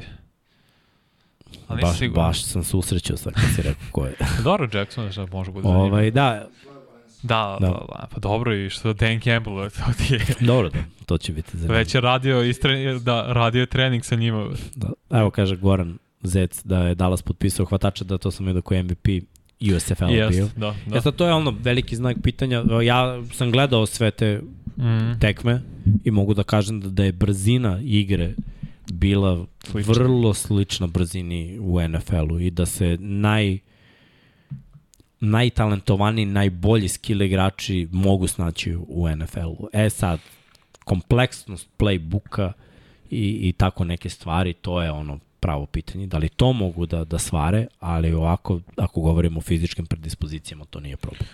Rekli tako da ono, da za Dallas je... ostaje, ostaje to veliko pitanje, uh mhm. -huh. ali oni su mi dalje top 2 tima u ovoj diviziji. Prvi pa, tim je meni sad Fila, Apsolutno. Nakon svega što su radili tokom Absolutno. noći drafta, mislim da je Fila odradila sjajan posao, da su se pojačale tamo gde je trebalo. Samo na mislim da draftu da dovođenje, i free agency su da, odradili brutalno. Dovođenje AJ Browna na draftu je bila ono, bio šok koji im je baš dosta pomogao. Gledao sam ga ono da, da je bio u šopu na stadionu pa je poklanjao svoj dres svima koji uđu ono, sat vremena bio tamo, pa je, Carske. pa je odlučio malo da, da podrži uh, navijače File, Fila je taj grad, mislim, Fila kad te voli, voli, kad te mrzi da te proklinje i, i to je to. Tako da, za sad mi deluje da je i on srećan, dobio je ugovor, zna gde je, zna na čemu je, za njega je ovo upgrade, jer... U kom smislu? Misliš da je Tannehill bolji? Ne, uh, ne, ne, ne, ne, ne, u smislu da će imati bolju individualnu statistiku ili da je otišao u, u bolji tim što se tiče quarterback. Otišao je u veću sportsku sredinu. Aha, okej, okay, dobro, da. To I je otišao je u, u konferenciju u kojoj sa slabim rezultatom, pazi, tenis je imao sezone, doduše nekad je on tu, tenis je imao sezone kad bi u NFC-u bio lagano u play-offu, a mučio se u AFC-u. Jeste. Pazi, Fila je ušlo u play-off prošle godine, znamo svi kako, na mišić, bez njega. Sad je druga priča. Opet govorimo o tome da, je, da, da i Hertz ima dobru konekciju s njim, nevezano za teren. Van teren su druže super se tako. Da. E sad sam video malo i na terenu da to izgleda ok. Oni Devonte Smith su već ostvarili onu, onu konekciju bratsku da, da budu jedan s jedne strane, drugi s, drugi stra, s druge strane. Imaju Kabira. Kveza. E, to je pitanje hvatač broj 3. Ko ja mislim biti? da je Quez, zato što je Quez 4-3. I, I zato što okay. je Quez neko, pazi, oni su sad isto speed tim. Jer je Jeđe yes. Brown jako brz, Demonte je yes. prebrz, Quez Watkins je 4-3, šta god da staviš u njihovom timu trenutno, u ono, a, a Gadert pro... je visok Evo, ga, ja koji radi posao. Da, I ne treba da imaš treću, mislim ne trebaš. Nije, toliko, nije toliki prioritet da imaš treću opciju baš zašto imaš Dallas Gadert, koji je vrlo dobar taj ten. Sada Savo i pritisak prvo spremno što dođe na Hrca, odbrana je brutalna odjednom i na draftu i no. Da. Jordan Davis na Kobe Dean, secondary je poboljšan izgled brutalno. Stvarno odbrana nakon par godina da se pi, zapitaš Pazi, samo dovođenje, mislim kako su ono s Bradburyem i, i, i s Leom uboli, imaju dva lockdown cornera. Imaju priču, imaju sasvim solidne safety. Zato je sad mislim da, da Fila ima najbolju priču trenutno. Mislim da ima najbolji roster u NFC istoku, ali sad je sav pritisak na Jalen Hurts. Prič, imaju ste spi, uh, brze hvatače, prebrze hvatače, ali šta je problem za Hrca? On, on ne baca tamo da oni treba da budu, nego on čeka da, da oni dođu tu. Zato je tu trening kamp. Znaš, ali gledaj, tek prošle to godine on dobio razrešenje. Jeste, da, da ti broj jedan, ti si naš. I onda je prvi put imao ono sezonu, da kažeš, rasterećenog da je učio zapravo, kao igrač. Tako je. Ovo je i ušao u playoff. Meni je to okej. Okay. Znaš, mislim da, da mi postavljamo velika, ne mi, mediji, ljubitelji sporta. Dobro. Previsoko očekivanje od ove nove generacije. Uh, mi, mislim da, da i, i nekad nije bilo tako. Nekad se redko kad dešavalo da, da igrači postanu vrhunski u prvoj sezoni, drugoj sezoni. Nekad je bilo potrebno znaš, da igrač guli, da guli ono, kopačke tri godine, četiri, da on Dobro. postane onako. Jesu sad veće pare, jeste veća medijska izloženost. Ali Jest. mi to očekujemo pap, što nije on u trećoj godini pro bowler, što ne osvoji Super Bowl. Ma, Patrick Mahomes, Lamar Jest. Jackson su krivi trenutno za to. Da. Barrow isto sada, Tako Herbert je. isto sada, oni su krivi direktno to, ali ne očekujem Hrca to, osnovno očekujem samo napredak da vidim. Da. Jer, ja I da nažalost da je jeste taj pritisak na njemu, da. jer očekuje se playoff. Dobro, ja, I ja ne sumnjam da će Fila da uđe u playoff, iskreno. Fila ima jako dobar tim. Jako je dobrovođen tim od trenera koji prošle godine debitovao. Mislim da njegova energija dosta prija. Mlađi trener, naš, povezuje se Normalno. mnogo bolje sa mlađim igračima. To je onaj taj generacijski jaz, to je jako teško danas u NFL. Viš, stari treneri, redko kada imaju, uh, često imaju problem da uh, tu kulturu tima prenesu. Ako ne znaju kulturu tima, ako su tek došli kao novi trener, ti znači ne možeš da pripove, propovedaš u kulturi tima, tek si došao. Znači mora da imaš neku svoju viziju koju mora da preneseš igračima. Znaš, lako je, na primjer, da Harbo koji nije, ili Tomlin, mm -hmm. oni znaju kulturu Steelersa i Ravensa. Kada ti kao mlad igrač dođeš tu, tebi se propoveda kultura, ne od da strane je trenera, nego od trenera, od strane saigrača, od strane veterana koji stalno dolaze na treninge. Razumeš? A Sirijani je došao, ne može da propoveda kulturu Eaglesa, ali se povezu sa igračima. I tako si vidio da je to to. Tako da mislim da je da, da za Filu ima onako dosta, dosta prostora da, da će to biti dobro. Uh, ostaju nam Giantsi, koji isto menjuju sve sa dobrim trenerstvom. To je ono, ne može Dable sada da propoveda kulturu Giantsa. Mislim, Mislim, već ne neko može, vreme ti Giantsi ne nemaju Giants? kulturu. Tako ne, ne, ali pre su imali, imali su istoriju. Ne, znaš, je, ne, Postoje ovo način. Giants kad su osvajali, istoriju. imali su brutalnu odbranu Tako je. i, i dobro trčanje, uvek dobro backa, jaku liniju scrimmage to su Giantsi bili. Nisu već neko vreme. Nisu ali- poslednjih 10 godina. To je bilo. Sada dolazi on iz Billsa, te mora da im propoveda mislim, ono, neku drugu priču, neku priču Buffalo Bills. Pitanje je sada, opet quarterback, Najveće Dan, pitanje. Daniel Jones, ovo ti je poslednja prilika. Zašto? Jer ti realno možda imaš i najveći talent u napadu od bilo koga u diviziji. Imaš Barkley koji se vraća zdrav. Draftovo si, uložio si u ofenzivnu liniju da bude bolja. Uh, Thomas s jedne strane tekla, s druge strane sad Evaniel. Hvatači, to je sramno kakav, uh, koje bogatstvo imaš na hvatačima. Da. Mislim, da prođemo Duš, na... ostali su bez Evansa, ali hajde, Ko? dovoljno. Titan. Uh, da, Ali i dalje, i dalje je okej. Okay. I dalje Misliš je bez. Ingrama? Da, Da, ali tu je Ivan Ingram, a ja. Da, evo ne. da. Znači, to je stvarno uh, sramno koji, koji talent ima pozicije hvatača pre svega. Otišao i Rudolf Ingram. Ok, taj den nisu toliko ni koristili, znam koliko je Rudolf Da. dobio malo targeta. S druge strane, defensivna linija jeste bolja draftovanje Tibodo. Uh, od Julari bi trebao bude bolje. Znači, njih dvojica treba da stvore sad taj edge tandem, kako će da izgleda, ali Sve, sve, to za zavisi... godinu dana, znaš. Da, sve zavisi od. Daniela Jonesa. I zavisi, to je istina. Ja ovde očekujem Garoppolo. Bravo. Samo je pitanje kad. Možda ne u prvoj nedelji, možda ne u prve dve nedelje, ali mislim I da, da uklapa ono... se u to, Da, kako da kažem najbolje, atmosferu Njujorka. Da, Nekom da. leži ve, ono veliko tržište.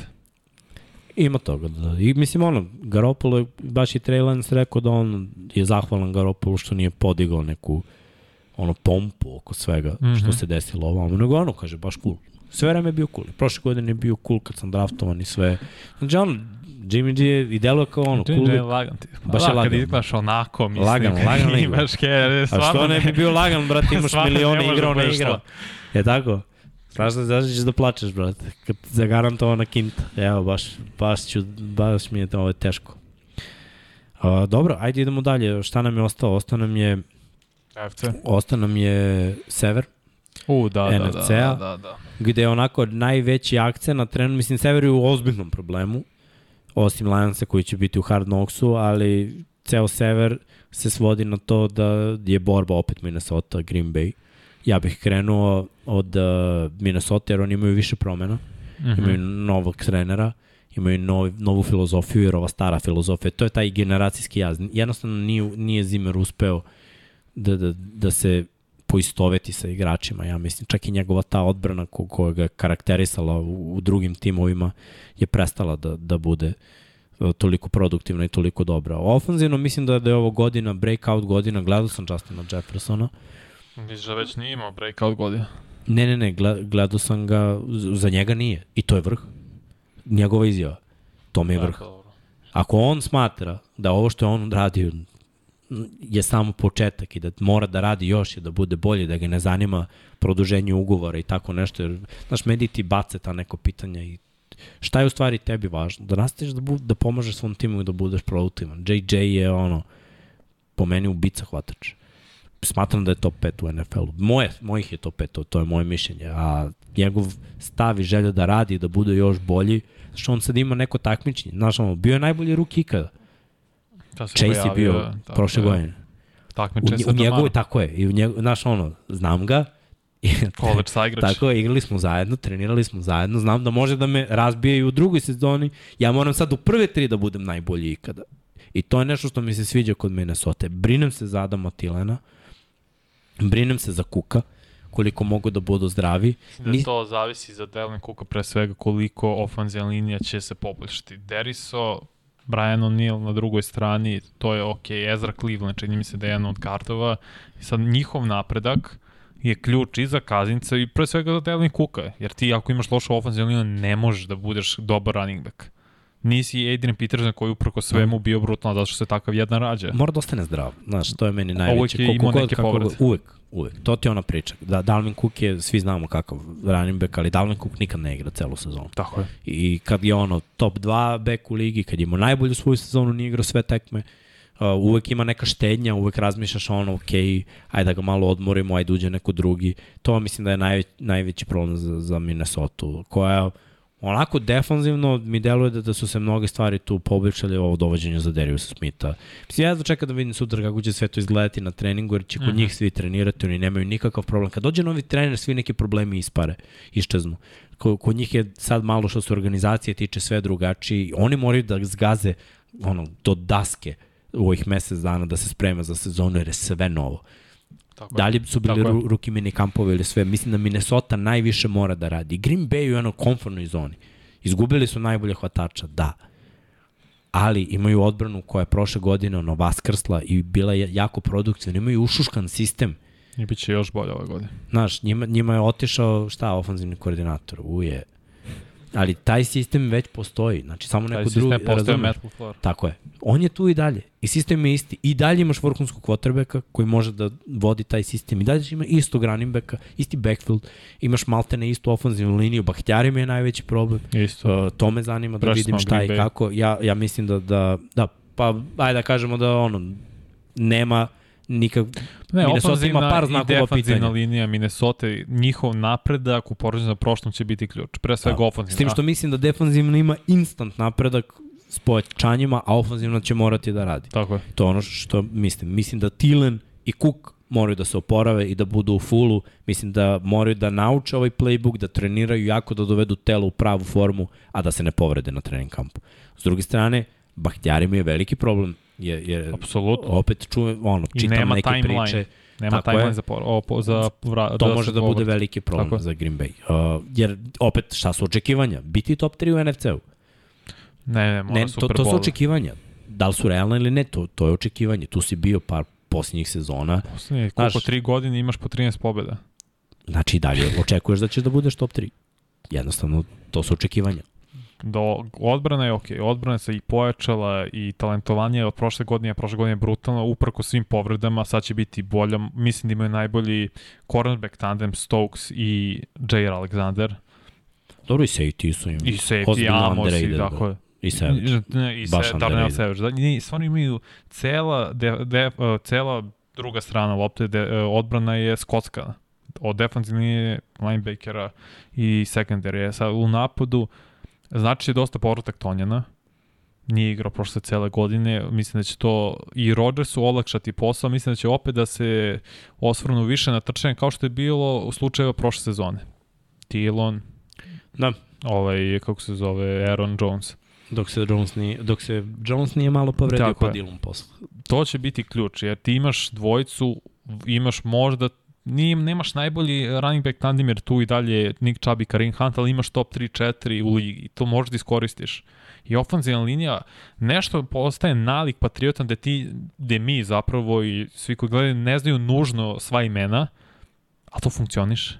Da. I, I jedan od razloga zašto funkcioniše jer imaš veterana poziciji quarterbacka koji je video svaku odbranu Ima i, i sve će da kaže... Prepoznao u sekundu, pozove šta treba i reše ti adjustmenti su baš... baš Tako je. Tako da se sve, upravo si, ne brine se za Green Bay, brinući se kad dođe playoff. I, ko, i štamo, pa je, jeste. Nažalost je tako, mislim, kako je Super i Rodgers i poslednje tri godine su možda statistički za nekog potrebe u regularnoj sezoni najbolje tri godine ikada. Ali to ništa nije donelo timskom uspehu na kraju. Nisi osvojio Super Bowl, nisi došao do Super Bowla, uzu si dva MVP super za tebe, ali fali timski uspeh. Baš to. Šta ćemo sa Detroitom i Chicago? Možemo ovako da krenemo od samog početka. Pričali smo juče na Kill Harry je došao u Chicago. Chicago, pi znako i pitanja svuda. Međutim, da, pohvala. baš je izvoz talenta i očekujemo da je Robert Quinn ode negde. Šta očekuješ od hvatača? Evo, igra si tu poziciju. Ja stvarno ne znam, pored Mudeja, ja, ja ne znam ko je dva, ko je tri, da, ko je četiri. Ali gledaj, ajde da, da kažemo da to i nije toliko važno. ako online da. koliko god da ti je broj 1, 2, 3, 4, ako online ne radi posao, a njihov online je kriminalno loš. Jedan uh, i, i uz put imaju probleme da uspostave igru po zemlji mladog quarterbacka, kako me baš to treba. Znaš, mm -hmm. ako, ako ti trčiš na prvom downu 5 yardi, lakše ćeš da kompletiraš. Ako trčiš na, za minus 2, ti već na drugom i trećem downu mora da dodaješ, to je veliki, a svi znaju da ćeš da dodaješ. Či pritisak je jaki, moraš brzo da ispališ loptu, brzo da doneseš odluku, svaki coverage se prikriva i kogod da ti je hvatač, već si u problemu jer Znaš, vremena. vremena je sve manje. To je najveći problem. Ja se sećam, imali smo sezone sa, sa ono problemima kada dođe ekipa i vrši jak pritisak. Znaš koliko puta sam ja bio sam, brat, i mogu sam da dam touchdown. Quarterback je sekovan, ja okrenem glavu i to je kraj akcije već. Već gledam ono gomila pišteljke kraj akcije. I, I to će se dešavati mnogo puta, ja mislim, za, za Chicago. To, I ne za Chicago, za Chicago i Detroit. Jer quarterbackovi koji sumnjaju u donošenje svojih odluka, E, ali Detroit ima drugu priču. Detroit ima jednu najboljih ofenzivnih linija, dok ali Chicago ima, ima jednu od najgorih. Ali ima svaku svoju odluku. Ja razumeš? To je najveći, to, to, to, Mislim je, to je veliki... toliko loše kao slučaj Darnold. Mislim da je stvarno Goff poprilično bolji od Darnolda u tom pogledu.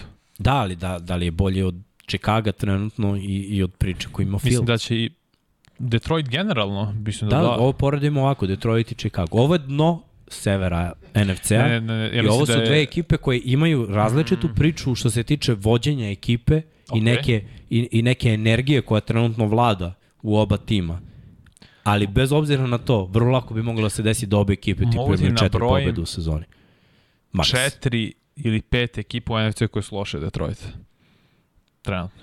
Po rosteru, sad kao na papiru. Seattle, Atlanta, Carolina, Chicago u istoku, vrlo lako može se desi, desi da Vance nije to to da se odbrana ne da. vrati, Commandersi.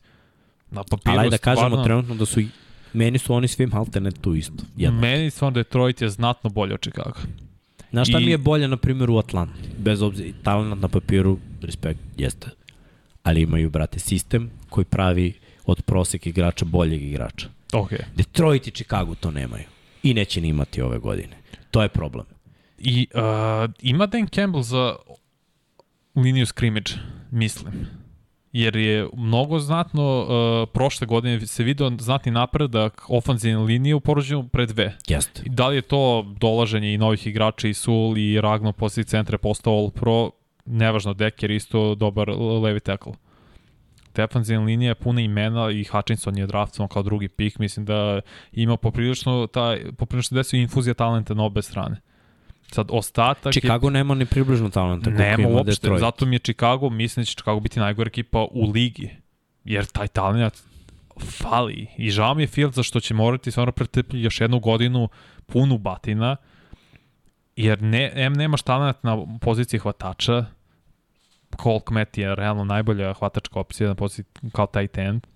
David Montgomery, ja ne znam više šta da misli, on je prosječan running back Nije više to. Da, ja mislim da, da on nikad s njegovim stilom igre zahteva drugačiji ofanzivni pristup i znaš, to, to me baš zanima da vidim kako će se promeniti. Jer sad je ono, no, novi trener sa, sa drugom nekom filozofijom, želim da vidim ovaj, kako će to, kako će to da, da izgleda. Što se tiče hvatačkog korpusa Detroita, mislim da i njima treba neko ko će izdići njihov talent. Mislim da Goff nije liko izdiže tvoj talent. Nije, Goff nije, je ono, to si check down, sigurica, QB, znaš, su, sumnjam, ali ok, za njih je ovo najbolje, nije bilo ništa bolje, ja kažem opet Garopolo, kad, kada bi došao u, u Detroit, opet tim bi bio mnogo bolji. Garoppolo brže donosi odluku, znaš, to ti je nešto što ti je ostalo iz Patriots. Nema, nema, nema vremena za, za čekanje, oklevanje, razmišljanje. Brate, ako je coverage ovo, a ti znaš koje su rupe u tom coverage-u, lopta ide tu i kraj priče. Sa gledam hvatače, baš Detroit, DJ Chara, Kamon Ra, Saint da. Brown, draftili si Jameson Williamsa, koja mislim da će biti najbolji hvatač iz ovog generacije. Ima TJ Hawkinson i dalje tu, Swift je da, running e, back. Hawkinson, šta je problem s njim? Opet je ono, nije zdrav 100%. E, da? Treba ostati zdrav ove godine i izgurati. Izgurati celu sezonu. Uh, Goff treba da ostane zdravi i da izgura celu sezonu, pošto je i tu bilo problema. Viš, I running poredim, backovi nisu bili zdravi. Ne, to Isto se, se povredio i Swift i, i Jamal i Lions baš je ogroman gap u talentu. Ogroman yes. je stvarno, jer I TJ Hawkinson je bolji od Colk Met. Hvatači su ovi mnogo bolji nego hvatači, kao running backovi su talentovani, znaš, ofenzivni da ne pričam. Postoji tu samo jedna sad razlika, a to je ono, ta energija koju donose treneri i taj kompleks. Dan Campbell, da, on si ludo, Derek. Da, da, a, ej, sad mora se prevazići taj kompleks, jer opet Chicago je institucija, ako gledaš istoriju i sve to. Detroit jednostavno mora da, mora da zaboravi to. Trenutno je Chicago. Znaš, u njihovim glavama mora da bude ono, ne pocenjujemo Chicago, ali moramo da ih olupamo jer je Chicago naj, naj, najgore ekipa. Da Pogledaj, ne mogu da se setim, ali Detroit ima mali broj pobjeda na kraju. Ja Jeste, mogli su da imaju... Dobili, su dobili Green Bay na kraju kad yes, Green Bay izveo. Yes, a mislim, yes. ajde to da im pripišemo, mada ne bi ne, dobili u tri života. Ne bi. Detroit Lions, ću baš da vidim. Znaš, i taj ali bilo polupani... dosta mečeva gde, mislim... Jeste, ali to je taj kompleks. protiv Steelersa i neće to nestati... da sa 66. Jeste, i Baltimore, ali neće to nestati preko noći, znaš. Kako? To, je, to, to, su one, to, to su ekipe koje imaju problem da završe tekmu, da dobiju tekmu. Imali su jedan nerešen i koliko? Tri pobjede? Četiri? Dva, tri, dobili su Minnesota, nekim čudom. Da, tri, tri pobjede, ali su izgubili ovo puta od Bersa, viš. Pa da. To mora se promeniti. Kompleksi, da. To mora se promeniti. I mislim dobili su Green Bay, kažem, opet na, na poklon. Tako je. Ajmo, ajmo na FC. Ovaj, šta očekujemo od ove dve ekipe da ostanu ono dole na nu, od ove druge dve ekipe da urade nešto, ali ima tu, mislim sad, sad malo pričamo o NFC, ima totalno drugu hijerarhiju. Prelazimo na NFC gde, gde ono, svaki tim ima, ima drugu priču. Uh, trenutno Od, od kog krećemo? Ajde, ajde da krenemo, pošto smo već pričali o, o, o ugovorima i o problemima uh, vezanih za nedobijanje ugovora, tako smo krenuli u NFC-u. Mm -hmm. Ajde, ostanemo u AFC-u isto skloni tome, jer najveća priča trenutno je nakon dobijanja ugovora Kalara Mara je Lamar. Ok, Baltimore. U, ugovora nema, predsezona se bliži, ono, čitam stalno, Lamar neće da priča o tome, jer je u fazonu, ono, treniram, tu sam, sve ok. Baltimore pregovara, radi se na tome da dobiju ugovor, ali ugovora i dalje nema. Mislim da je problem za Lamara stvarno što nema svog agenta. Ne. Ja mislim ne, da nije to problem. Sad, nema, ne u smislu neko da te predstavi ili bilo šta, ali neko da tebi skrene pažnju Lamar, kao moraš znaš koje su granice od ugovora i šta svi želim. I gde si ti super, a gde nisi. Da. Teško je samog sebe da pogledaš, kažeš ja Jest. sam loš u ovome. Jest. A to, to me služi agent. Ali znaš šta dobro, šta ide Lamaru na ruku? Jako. To je što trenutno loši igrači od njega kada pogledaš šta god i uzmeš sve mane su dobili Ma Mix, on su je dobili lider. kintu, dobili kintu koju on želi. On će dobiti Ako ga više. ne plate sad, sledeće godine će ga platiti još više od onoga što sad želi. Tako. Zato on može sam sebe da predstavlja, jer on neće ništa izgubiti. Čak i da se povredi sledeće godine, ima 10 timova koji bi instant gurnuli 50 milki za sezonu za njega. Je misliš tako? Ne, verujem, 50 od 45, da.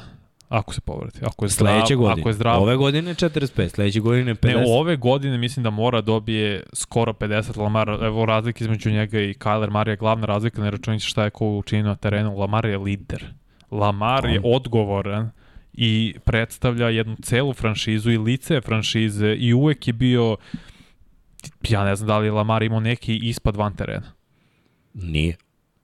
Nije. Sumnjam da će ikad I imati, jer vidi se to vaspitanja. Tako vidi je. se da je jednostavno... Njega saigrači poštuju i veruju njega i njega prate.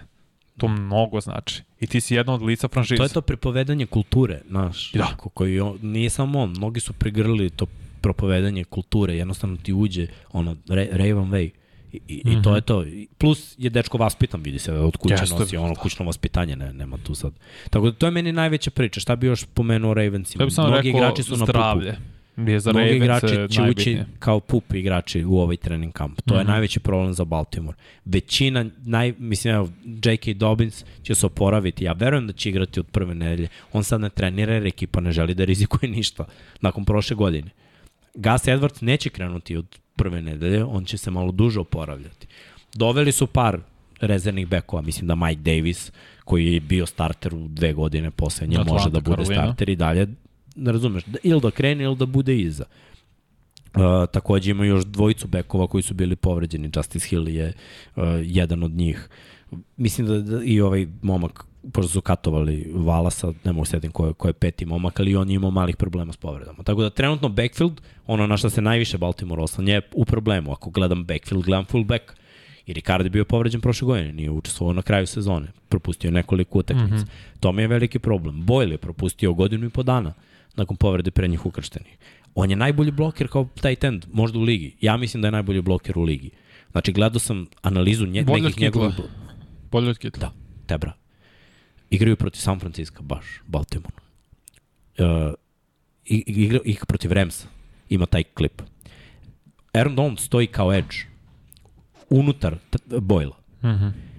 Boyle ima zadatak da njega čipuje unutra. Boyle ga je udario i pomerio metar i po. Pomerio ga do garda. A kad je njega izblokirao, onda je krenuo outside, katovao linebackera i kako je bio u padu, potkačio po nozi safety-a, pao i on. Prate, sklonio je trojicu, Lamar istrči 30 yardi. Ja rekao, ok, mislim, teško da ga je ono usralo da, da je ovo napravio blok. On tokom cele godine, brate, pravi blokove na dva igrača lagano. Drvo je. Ima problem da uhvati loptu. Ali da. Kittle je all around. Kittle ima blocking 90, ima hvatanje 90, ovaj blokira 99, a hvata 30, razumiješ? Kada toliko blokiraš, Hvala normalno je da, da, da si ono usavršio da, da. tu, tu jednu tehniku. Ali Baltimore prošle godine si vidio trčanje bez njega. Nije bilo to to, je tako? Teže.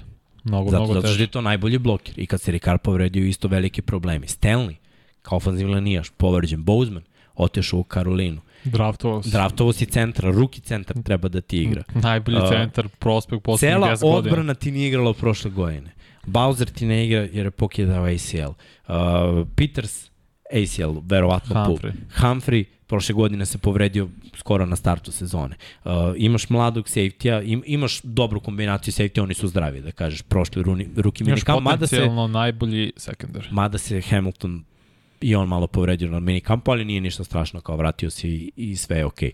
Okay. Uh, uzmeš defanzivnu liniju, Klajs Campbell bio povređen prošle godine. Opet si malo izvezao talena. Doveo si od džaba koji je povređen, neće isto igrati i trenirati. Ove, uh, tu i tamo.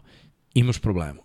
Opet imaš problema s povredama koje te muče od prošle godine. Baltimore mora da odradi nešto što nikad ne rade. Najlaganiji preseason. Baltimore ima kompleks da, da ima pobede sve u preseason. Kad se izgubi posle pobeš? Pre šest godina. Sedam. Ali to nije dobar put, čoveč. Nije, nije bitno da dobiješ u predsezoni. Nije, Mani predsezonu nemoj niko da igra ko ne mora da igra. Slažem se. Mani se predsezone. Baltimore ima pogrešne ciljeve, razumeš? To je najveće. Nemoj Lamar da igra u predsezoni. Neki igra sve vreme. Huntley. Neki igra Huntley. Nema potrebe Lamara da gledam u predsezoni. Neće ga ni gledati. Ja, ja, ja razumem, to su neke stvari koje mene jako muče i mislim da, da, da je ono, to najveća priča. Sada AFC, pazi koliko je težak. Mnogo Baltimore je najteži put ikada. Ne smeš sam sebi da pucaš u nogu. Mislim da je to naj, naj, najveća priča. Baltimora trenutno i dalje ih povrede muče od prošle godine. Ako se sve to na kraju skocka kako treba i ako se uđe u prvu nedelju onako sa dobrim zdravljem, mislim da, da Baltimore i ovaj taj ten Collar se povredio mm -hmm. i neće igrati sigurno u septembar. Znaš, op, opet ih mora. Ja mislim da mora se promeni taj uh, strength and conditioning coach. To da, uzet će pristup Sean McVay kao starter i ne Nisam siguran, jer to nije Raven Way, ali volao ah, bih da je tako. Nije, ali mora da se prilagodiš, može da na, Jest. kako se menja vreme, menjaš li ti, prilagođavaš da. se tome šta imaš. Uh, gledao sam uh, Cincy, njihov trening kamp, Joe Burrow je lud, Hayden Hurst izgleda vrh. Kida. Znači, ono, uvek, znaš, bude mi žao, jeste, naš napad nikad nije bio za takvog tajtenda koji je ono više hvatač. Mislim, ili je za jednog, izabrali smo Andrewsa i pokazali to je okej. Okay. Ali Hayden Hurst nije dobio šansu u Atlanti jer ga je izguro Pitts. Nije dobio šansu Znaš, ono, u Baltimoru, jer su vrteli tri tight enda i mnogo se trčalo. Neće sad ni puno dobijati šanse i ovde, zato što imaš brutalna tri hvatača. Ali, brate, prošle godine u Zoma imao dovoljno targeta i Jeste. dovoljno lopte i mislim da Hayden Hurst može sve to da uradi isto ako ne i bolje od Uzoma, jer Hayden Hurst je baš talentovan lik. Prvi pik prve runde bio. Da, mno, ima mnogo mekane ruke, dobar osjećaj iz igru i onako snik, ja sećam tu utakmice protiv Bilsa kad je on istračao Sim, ispravio ga, pobegao celoj odbrani Bilsa, nikoga nije pipnuo, bra. prošao je pored pet vrhunskih igrača, nikoga nije tako, on ono, sa, ono, sa 120 kila trči laganih 4-5. Mislim, za toliko ljudinu, ono ima 1,95-6, to je baš brzo. Znaš, i niko ne želi baš ni da stane na put. A malo Čoveku, je 120 razumeš, kila masa puta ubrzanja. tako je. Tako da ono, Cincy se malo poboljšao, ofanzivna linija im se baš tu je meni poboljšala. ključ. Koliko će biti potrebno vremena ofenzivnoj liniji da se uigra. Videli smo prošle godine Chiefsima koliko je bilo potrebno, malte ne pola sezone da to klikne sve i da se uigraju, a ovi su još više igrača, igrača da ovo je bukvalno četiri nova startera, Chiefs su prošle godine trojicu novih Da. doveli. Znaš šta je malo teže za Chiefs? Joe je u džepu. Nepredvidivost Patrick Mahomes. Patrika Mahomes. Znaš, pa ti mora se navikneš. Ajde da kažemo da Orlando Brown i do nekle naviku da Lamar šetka levo desno. Mada Lamar kad krene levo, za, zapali na, gore. završi Znaš, to je levo. to. Ne, nema ono, sad ću trčim levo desno pa da dodam. Mahomes trči levo pa desno pa razmišlja pa do... E, razumeš? Ja mislim da, da su i Orlando Brown i Tuni bili u fazonu šta je bre, šta se ovo dešava, šta treba da uradim, kako da mu pomognem, da ne znaš, Da, da. gde treba da ostanem, kako da prilagodim ovaj blok. Kako da... Bar on neće nigde, brate. On će dode pet koraka nazad, dva unapred i bacit će loptu. Mislim da je Malo je lakše ofanzivnim linijašima Jeste. kad imaju ono kvotrbeka koji je Ok, u to ima džepu. smisla. Ima, a mislim da je potrebno za Barova da ne ide stalno na velika dodavanja. U smislu uzmi ono što ti je odbrana omogućava. Ne moraš stalno da gađaš kogod da je Jamar Chase, ti Higgins, nije Da. ni važno 20-30 yardi. Uzmi malo ti Jeste. 5, 6, 7, jer ne možeš toliko više čekaš u džepu. Ubi, ubiće te. Biće to, Buko, biće... ne, ali bukvalno, Jeste. toliko si isekao, pretrpeo prošle godine da je u samom je si i dobio rekao. 19. To je i on rekao, da su mnogi Super. sekovi bili njegova krivica. To je to sazrevanje igračko. On nije To je znao. sjajno. No zašto što na koleđu mogu da sedi ko Tako hoćeš. je. I u ruki sezoni je skapirao tek kad se povredio. Ali nije isto, brate, jer kad dođeš u drugu godinu i počneš da igraš protiv jednog tima, možeš. Protiv drugog tima ne možeš. I, i ono, znaš, ono, sve to proces sazrevanja, učenja, ti gledaš film, razmišljaš, mm -hmm. ali dok ti to ne prođeš na terenu, treba vremena. Ne mogu ništa da mu kažem. Godinu i po dana u ligi. Ma ne, Bio Super zamerke. Iskido je nego- individualno. Ali to i na Zach Tayloru da osmisli akcija da će imati jednu kratku opciju. Da to bude kao Brady, 1-2, paf, pas. Da. Sigurno, znači šta god daje da imaš prosto tu opciju da ne moraš konstantno čekaš u džepu. Jer ti, Istina. ja ti jesi rekao da je u džepu za quarterback koje je najsigurnije. Ali opet, da. on se u džepu, on je u džepu pokidao ligamente. Jeste. Jeste, ali... Ne kažem da će to da. da. desiti, nego samo kažem ono što se desilo. Samo tad je- brže da donosi odluke, malo da izabere te sigurnije opcije. Mislim da bil, da. ovaj Bills i Bengals stvarno izgledaju odlično. Uh, imaju problem sa safety JC Base, tako. Da, to mi je isto priča. Jer Hold out. ako ne dobije pare, neće igra. Što je skoro ok s Ne znam njegove da, strane. jel na trening kampu, ali ne učestvuje. Da, mislim da jeste. Iz, Da, nisam, nisam prevelike da, su novčane da će kazne. Da, da, da, niko više neće da bleji kući. Da, da. Bolje blejem tu i da dobijem pare i dalje. Tako je, tako je. Muči me nešto, ne mogu da treniram. Sorry. Da. Povredu donjeg stomaka. Uh, ajmo, ajmo na Steelers. Steelersi su sledeći tim o kojem bi pričao. Imaju situaciju sa trojicom quarterbackova. Sutra Klasična ćemo videti za uh, Trubisky dobija prve repove, to sam siguran već. Mm -hmm. Nakon toga ćemo videti ko je broj 2, ko je broj 3. Mislim da će uh, Pickett imati broj 2. To je neko moje mišljenje. Jer će, no, znaš šta, sa, sa Rudolfom su već videli. Ako ovog stave kao rezervistu, daće mu uh, u slučaju da mora da uđe približnu brzinu prvog i drugog tima. Dobro. Jako je teško, već je bio na ruki mini kampu, znaš, da, da, da skačeš iz trećeg tima do drugog, do prvog, nema mi smisla da draftuješ quarterback u prvoj rundi ili da, da, znaš, da, da, da razmišljaš o tome da je on budućnost i onda da ga staviš u treći tim iza Masona Rudolph. Malo, malo mi je to naivno. Uh, Steelers imaju brutalnu odbranu, koliko sam video, svi su željni da rade. Uh, koliko sam video u napadu, Deontay Johnson na treningu neće trenira. Uh, I on hoće novi ugovor. On hoće novi ugovor. Tako da, mislim, sad još DK dobio novi ugovor, tako da verujem da, da i to malo priča, da, da o, mora da... da Pazi, Deontay Johnson jeste bio prošle godine i po meni bio zasluženo na Pro Bowlu, ali draftovali su ovog klinca sa Georgije. oni mislim- upadaju, da. Za koji mislim stvarno može bude brutalan hvatač, tu je... On Pickens. Tako je, Pickens. Da. Uh, Pickett tu i je, Pickens. Da, novi, novi tandem. Da. Tu je Chase. Chase, tako je, mislim da su svi imamo ovde depth chart. Imaju dva klinca, Anthony Miller je, Chase-a i... Da, da, Anthony Millera iz Chicaga su potpisali. Da. Ofenzivni nije isto znak pitanja jer to Dobro, tu su doveli par igrača. jesu ko, ništa to nije ono sad da kažeš wow, ovaj Nije, da. igrač je Gledaj, nisu uigranost ofenzivne linije mislim da će nisu biti isto značajno. Mislim da je najveća priča trenutno pozicija quarterbacka holdout Deontay Johnsona. To, to su meni ono, za sada broj 1 i broj. Gledaj, Mm -hmm. kogod je quarterback, nije bacio nijednu loptu, osim Masona Rudolfa Johnsona, je tako? Tako je. On treba da bude jedan ili dva. Zato i kažem, im, nije da nema hvatača na rosteru da. Steelersa koji mogu Mislim, da ga pazi, zamene. ja gledam šta je o, Hayward i, i Tomlin su dali intervju po no, tim pitanjem i ono kao, mislim šta je Tomlin rekao, znaš, nečija nesreća je nečija sreća. To što je on nesrećan zato što nije dobio ugovor, može da bude sreća za ove klince koji mogu da grabe, da uzmu poziciju broj 2, da budu starteri. Znaš, ništa ti nije obećano. Pa nije da, Deonta nije- Johnson, Antonio Brown da mora da igra Nije, po ali svaku bio cenu. hvatač broj 1, de facto. Bio je, ali nije bio hvatač broj 1 Antonio Brown hvatač Nije, broj 1. nikako. Nego je bio hvatač broj 1 sa 10 ispuštenih lopti. I gomilom prostora za napredak. Mislim, što je zastrašujuće, dobro je za njega. Kad Da, da. Ali ne možeš da napreduješ, mislim, ra razumem, hoćeš ugovor, sve je to okej, okay, ali u trenerci na sideline-u nećeš napredovati. Naročito kad imaš novog quarterback. Nije to više Nove quarterbackove. Da. I nemaš pojma ko će u njih da bude starter. Tako. Znači, bukvalno nisi svestan s kim ćeš da igraš. Mislim da je malo najvan potes njegove strane. I da dobije ugovor, malo će se, sebe da ubije, neće biti dovoljno spreman. Nije on taj tip da može da, da iskulira godinu. Znaš, da iskulira. Ne, niko. Nije, nije taj nivo. I imao si prvu, ovo ti je prva breakout godina. Tako je. Koja je bila tik preko za 1000 redom, yardi. tako Tik je. preko 1000 yardi. Tako da polako i mislim i Friermont je postaje ozbiljna taj den. Tako da ima Da, da, da. koma da ide lopta. I. Najee Harris će dobiti većinu lopti jer će biti workhorse. Da. Tako A Cleveland? da, Cleveland je u problemu jer je zaglavljen. Jer su u neznanju da li će biti suspendovan Watson ili ne. Što se više ovo oduži, to je veći problem za Cleveland, jer ako se sutra kaže suspendovanje celu godinu, ok, mogu da se okrenu drugim opcijama. Ovako ne znaju. Da. I ovako, ok, i ako razvije Watson hemiju sa prva Ali sa već- starterima i bude suspendovan, to sazna krajem avgusta, problem. Ali već imaju problem. S kim da razvija hemiju? Sa Manijom Cooperom? Da, mora. Jedan jedini. Jeste?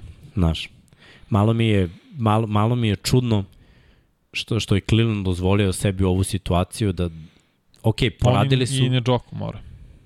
Tako je, tu je na Joku, Hooper je otišao, Jeste u Tennessee. tako da, znaš, imaju jednog tajtenda manje, imaju drugog tajtenda kog su potpisali, imaju jednog hvatača, ovo ostalo je baš Klinci. veliki znak pitanja. Mm -hmm. Povredio se ovaj Svarc, ovaj mali slot, Da, kog da. su draftovali prošle godine, koji je bio skroz ok, uh, istego je zadnju ložu. Morat će da se oslone na Čaba i na Hunt. Uprko se ide što je Watson tu, mislim da će morati... Mislim i Hunt, Hunt može da služi kao slot. Mhm. Često je to dešavalo da ide s polja i da igra hvatača, Pa tako morat će. da će i morati njega da uključi što više u što Problemi su mi za bolje. Cleveland, nemam predstavu šta mogu da očekujem kad krene trening kamp, ali ovaj, da kažemo da je Cleveland trenutno tim najvećim problemima zbog ovoga što si rekao. Ajde, pa da pređemo na drugu neku diviziju. Okrenut ćemo i sa, ka sekundariju koji je ultra mlad, uber talentovan, ali je mora da, mora da pokaže sav taj talent. Mora da ispuni taj potencijal koji ima. I Delpit, Greedy Williams, i John Johnson treći, ok, Ward je ispunio apsolutno, ali toliko talenta imaš, možeš to pokažeš. Bio si, jedino je Ward imao ocenu preko 70 prošle godine. Svi su ostali imali ispod, što znači da loše igraju. Da. Ajmo na zapad. Ok. Ajde krenemo u Chargers, to je tvoj tim. Chargers i glavna Chargersi su priča... se toliko, pa danas je baš Da. bilo priče, ovaj, kad je pitao William McGinista, ono, Chargersi u Super Bowlu, ovaj se nasmeje, onda kad čekaj da razmotri malo kog su sve doveli, pa pravo ti kažem, ove godine ne postoje ekipa koja se više pojačala od Chargers. S obzirom da su Mm. ostavili svoje igrače, da su Mike, ono, Manje potpisali. Majka Williamsa, da imaju quarterbacka na ruki u ugovoru, da su odlučili da se pojačaju konačno u, odbrani, tamo gde je bilo najpotrebnije, corner, edge rusher, doveli Kalila Meka. Doveli dvojicu defensivnih teklova iz Jacksona, Ramsa, doveli, jednom tako je. Tako da kad pogledam šta su sve odradili u off-seasonu, pa onda draft je bio skroz okej, okay, nema apsolutno nikakve Slušali zamerke. smo kakav je zapravo Zion Da. Johnson od Ilije, Da. da je to jedan ozbiljni, ozbiljni igrač. Stvarno nema zamerke, jer i Chargers i generalno drafti poslednjih potiču čak i 7-8 godina odličan. Da. To su, uglavnom, proboli igrači su njihovi odabrani igrači na draftu. Znaš što je dobro za Chargers? Očekivanja za meni su samo playoff. Tako Mislim, je. očekivanje mi prošle godine bio playoff, nije se ušlo zbog manjka fizikalije, ja mislim. Mislim da, da, da pre svega defanzivno orijentisani trener mora bolje da brani Trčanje. trčanje. To je ono. Sad Ajde da krenemo, da krenemo dvo, od toga. dvojice defensivnih tekova. Jer, na primjer, Baltimore ih je učepio trčanjem, na kraju su ih Raidersi dobili trčanjem. Da, da. To su dve utakmice koje, ono, nisi smeo da, da, da izgubiš A, Samo ključne protiv utakmice, trčanja. jer to shvatili su ih neozbiljno Houston Texans. To ti nisi smeo da izgubiš. Od Texansa si izgubio u kojoj je to bila 16. nedelja, to je stvarno sramotno. Mislim da se to neće desiti sada. Očekujem uh, pomoć od strane Spillera, kojeg su running backa sad, Da. da. ruke kog su draftali. Mislim da će on dosta doprineti napadu kao možda čak i glavni workhorse, da će imati više nošenja od Ekelera, ali Ekeler će imati svoje, i hvatanje, nošenje, sve kombinacije, nego prosto je Spiller taj tip trkača da mu daš loptu i on gazi. I to je super što Chargersi to nisu imali, pa od kad je Melvin Gordon i on imao drugu i treću sezonu brutalno. baš to. Napredak Herberta, koliko još može napraviti, mislim da još može. Da je vredan, Može, da konstantno radi. Ali mislim da najveći napredak mora da bude stručnog štaba, da Staley, da. limitiraju neke gluposti i neke greške. Jer ove godine divizija je toliko konkurentna Nemaš da, da ne, neće biti, znaš, ne, ne sme da se desi da Mislim, znaš je smešno? Što sve ove ekipe koliko god bile dobre, u, u glavi treba da im bude ono, 3-3 kao sasvim realna opcija. Jeste, i sad kad Jako je porediš sve teško, ekipe... kad pogledaš, znaš, svi su Mm. dobri. Ajde, ajde, nisu da- dobri, evo, svi su vrlo dobri do malo, odlične. malo da skačemo s, ono, s tima na Može. tim. Ajde da, da, da se okrenemo, ja moram se okrenem na Raiderse, meni su Raidersi, imali smo ovde pitanje, uh, dalje, Đole pitao, ko, ko je tim koji, za koji se očekuje naj, na, ono, najrealniji choke, pa je, pa je rekao da su njemu uh, Raidersi Znaš i zašto Carr. uh, ima smisla za Raiders, zato što je ta ofenzivna linija i dalje ogroman znak pitanja. Ti pored Colton, uh, kako, da, ko je levog tekla, ti ne znaš šta imaš. To je stvarno izgledalo grozno na momente prošle godine i nije se popravilo. Opet defanzivna linija Nije da se nije popravilo. Ej, u jednom trenutku su počeli da igraju. jesu. Brate, ušli su u playoff. Ja ne znam kako, iskreno svaka čast. Zato što su se popravili I seća na se liniji taj, skrimidža. taj meč Pritisak protiv njihov Bengalsa, oni touchdown, to smo rekli, nije trebao bude touchdown. Nije, tako je. Ko zna šta bi bilo. Da. Ali gledaj, Secondary i dalje mnogo su se Mnogo oja, mnogo su se popravili. U Doveli su, napad. pazi, prvo doveli su Chandlera Jones. Jesu, ne. Doveli su tako. najboljeg, najproduktivnijeg, Ali trenutno je uh, Engaku. Engano, ne, Engaku. da, Ngakwe, ali ostao im je najbolji njihov. Sa Max najviše, Crosby. najviše pritisaka, Max Crosby. Tako da imaju taj tandem. To, je to je onako prva stvar koju imaju.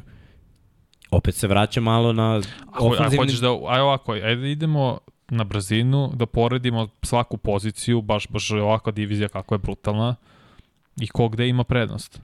Ako uzmemo Ajde, ajde da poziciju... uzmemo ovako. Ako gledam odbranu kao celinu, Dobro, trenutno mi Chargers i Denver imaju prednost u odnosu na Chiefs-e i na Raiders-e. Da ne kažem sad ko je broj 1, ko je broj 2, moram Ok, da vidim, slažem se. jer, jer ima mnogo na novih papiru kad bi stavili... delova slagalice. je. Denver ima novi trenerski uh, korpus.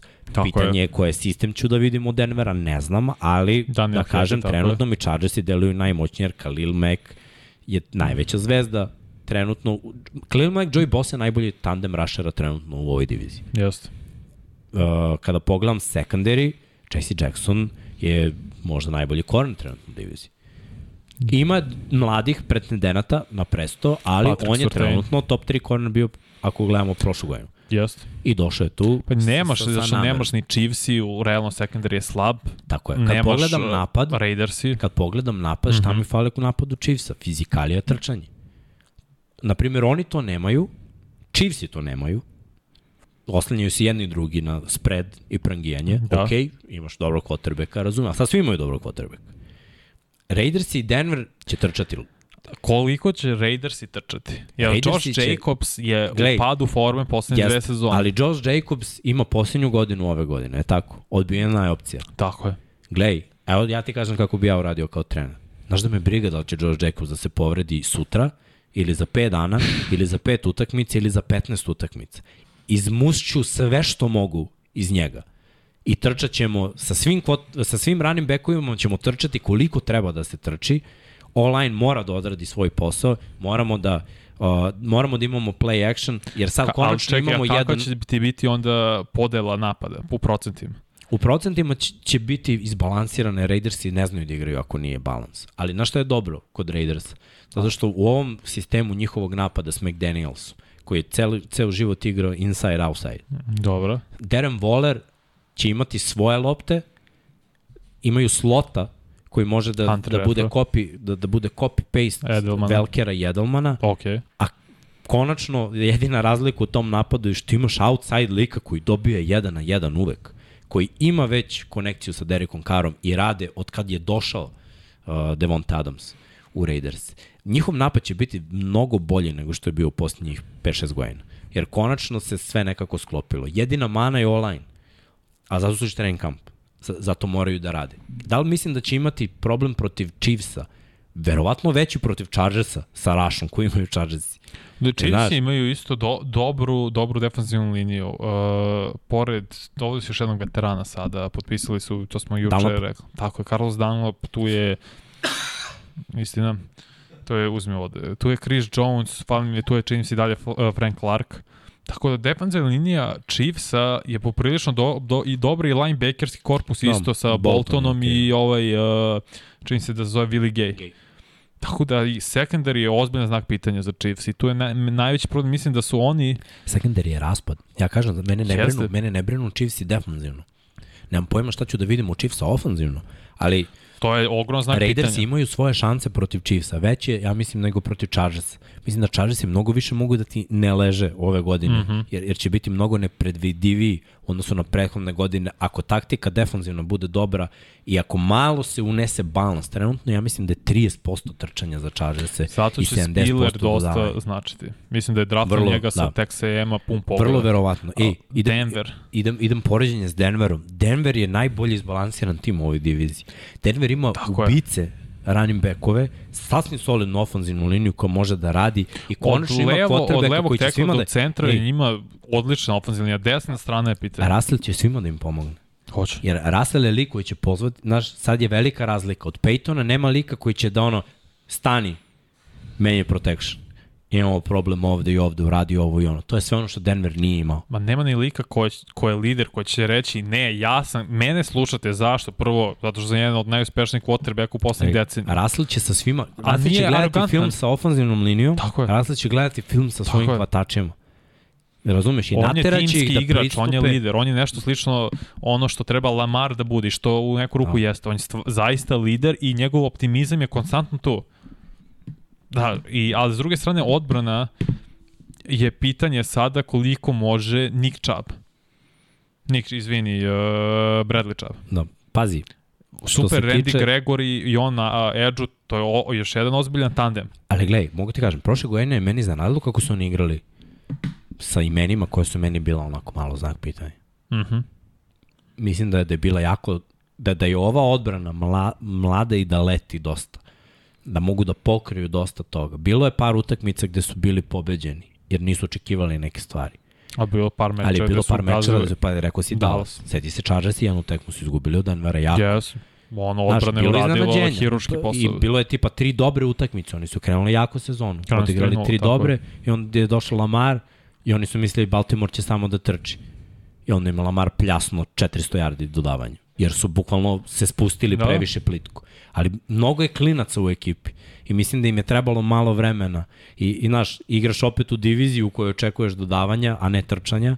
I, i onda uz, protiv drugih očekuješ ne, ne, nešto drugo. Ima prostora za sazrevanje. Mislim da je Denver ono ekipa koja baš može da sazira. Od ovih hvatača, s druge strane, očekujem isto ozbiljno sazrevanje. Mora Čudi napred. nije, nije, nijedne ispunio, godine igrao je. sve tekme. Saturn se povredio, pretalentovan lik. Uh, Kemo. opet nije, nije igrao jednu celu sezonu zbog, povrede. Kada pogledam ono, sve hvatače koji ima Denver, oni mogu da budu lagano najdominantniji u AFC-u. Isto tako mogu da budu najveći bas. Mogu i za novi quarterback, novi trener, novi Quarterback će sistem. da ih digne na više nivo, ne sumnjam ja ne, u ne, to. hoće. Samo mislim da uh, konekcija njega i Heketa kao glavnog trenera koji je Hek, prvi put je glavni trener, nešto novo iza njega, samo će mislim tu možda će septembar služiti kao mesec eksperimenta da vidimo šta ide, šta ne ide, šta tebi odgovara da zoveš od akcija, šta je meni najbolje za tim, kako da ba, uh, imam balans između i trčanja i igre uh, preko igru u vazduhu, tako i samo će septembar biti uspostavljanje sistema, dok s druge strane i Chiefs i Chargersi i donekle Raiders već imaju sistem. Pogotovo da. sad Chargersi, zato što ti znaš da ide Chiefs i sada, zato što odlaskom Terry Killa u Miami, povređen je Justin Ross neće igrati, imaš trojicu novih hvatača, Sky Moore, Juju, uh, Marquise, ovaj, Valdez Kentlik, tako ti moraš da nađeš novi način da sve to uklopiš. Jer ko ti sad hvataš broj Travis Kelce? Svi moraju da, nađe, da nađu način da uklope, znaš. Znači, bukvalno čak i Chargersi koji malte ne imaju isti roster, moraju da nađu način da pronađu bolja rešenja. Mora. Raiders imaju novi sistem. Da, da. Znaš, ali oni, oni sad već mesecima treniraju u novom sistemu. To su ekipe koje se ne šale. Sve vreme pratiš šta radi Russell, šta radi Mahomes, šta radi ovi hvatači. Svi su na kampovima, svi treniraju, svi Tako rade. Je. Svi imaju instrukcije i svi dobro znaju koji je cilj. Cilj je da suđu u play-off. Ali znaš šta, ima četiri ekipe u ovoj diviziji koje mogu da uđu u play-off. To, bi ne, to, to je najveći problem. Da... Zato kažem, svako ima, sad je ono malo taktik, kako ćeš da igraš protiv nekoga. Da li će taktika da prođe ili ne. I će dosta da odluči ko Tako, kakav ima. I ko je zdrav i ko nije. Tako je. To, to, to, to je ono. Ali opet, kakva divizija? Ja ne pamtim, znači da sam ikada video ovo. I opet, bilo je dobrih divizija gde su ekipe bile dobra, ali ovo su, na, mislim, da četiri da potrebe kako igraju baš na visokom nivou. Ti... Ma da, nerealno.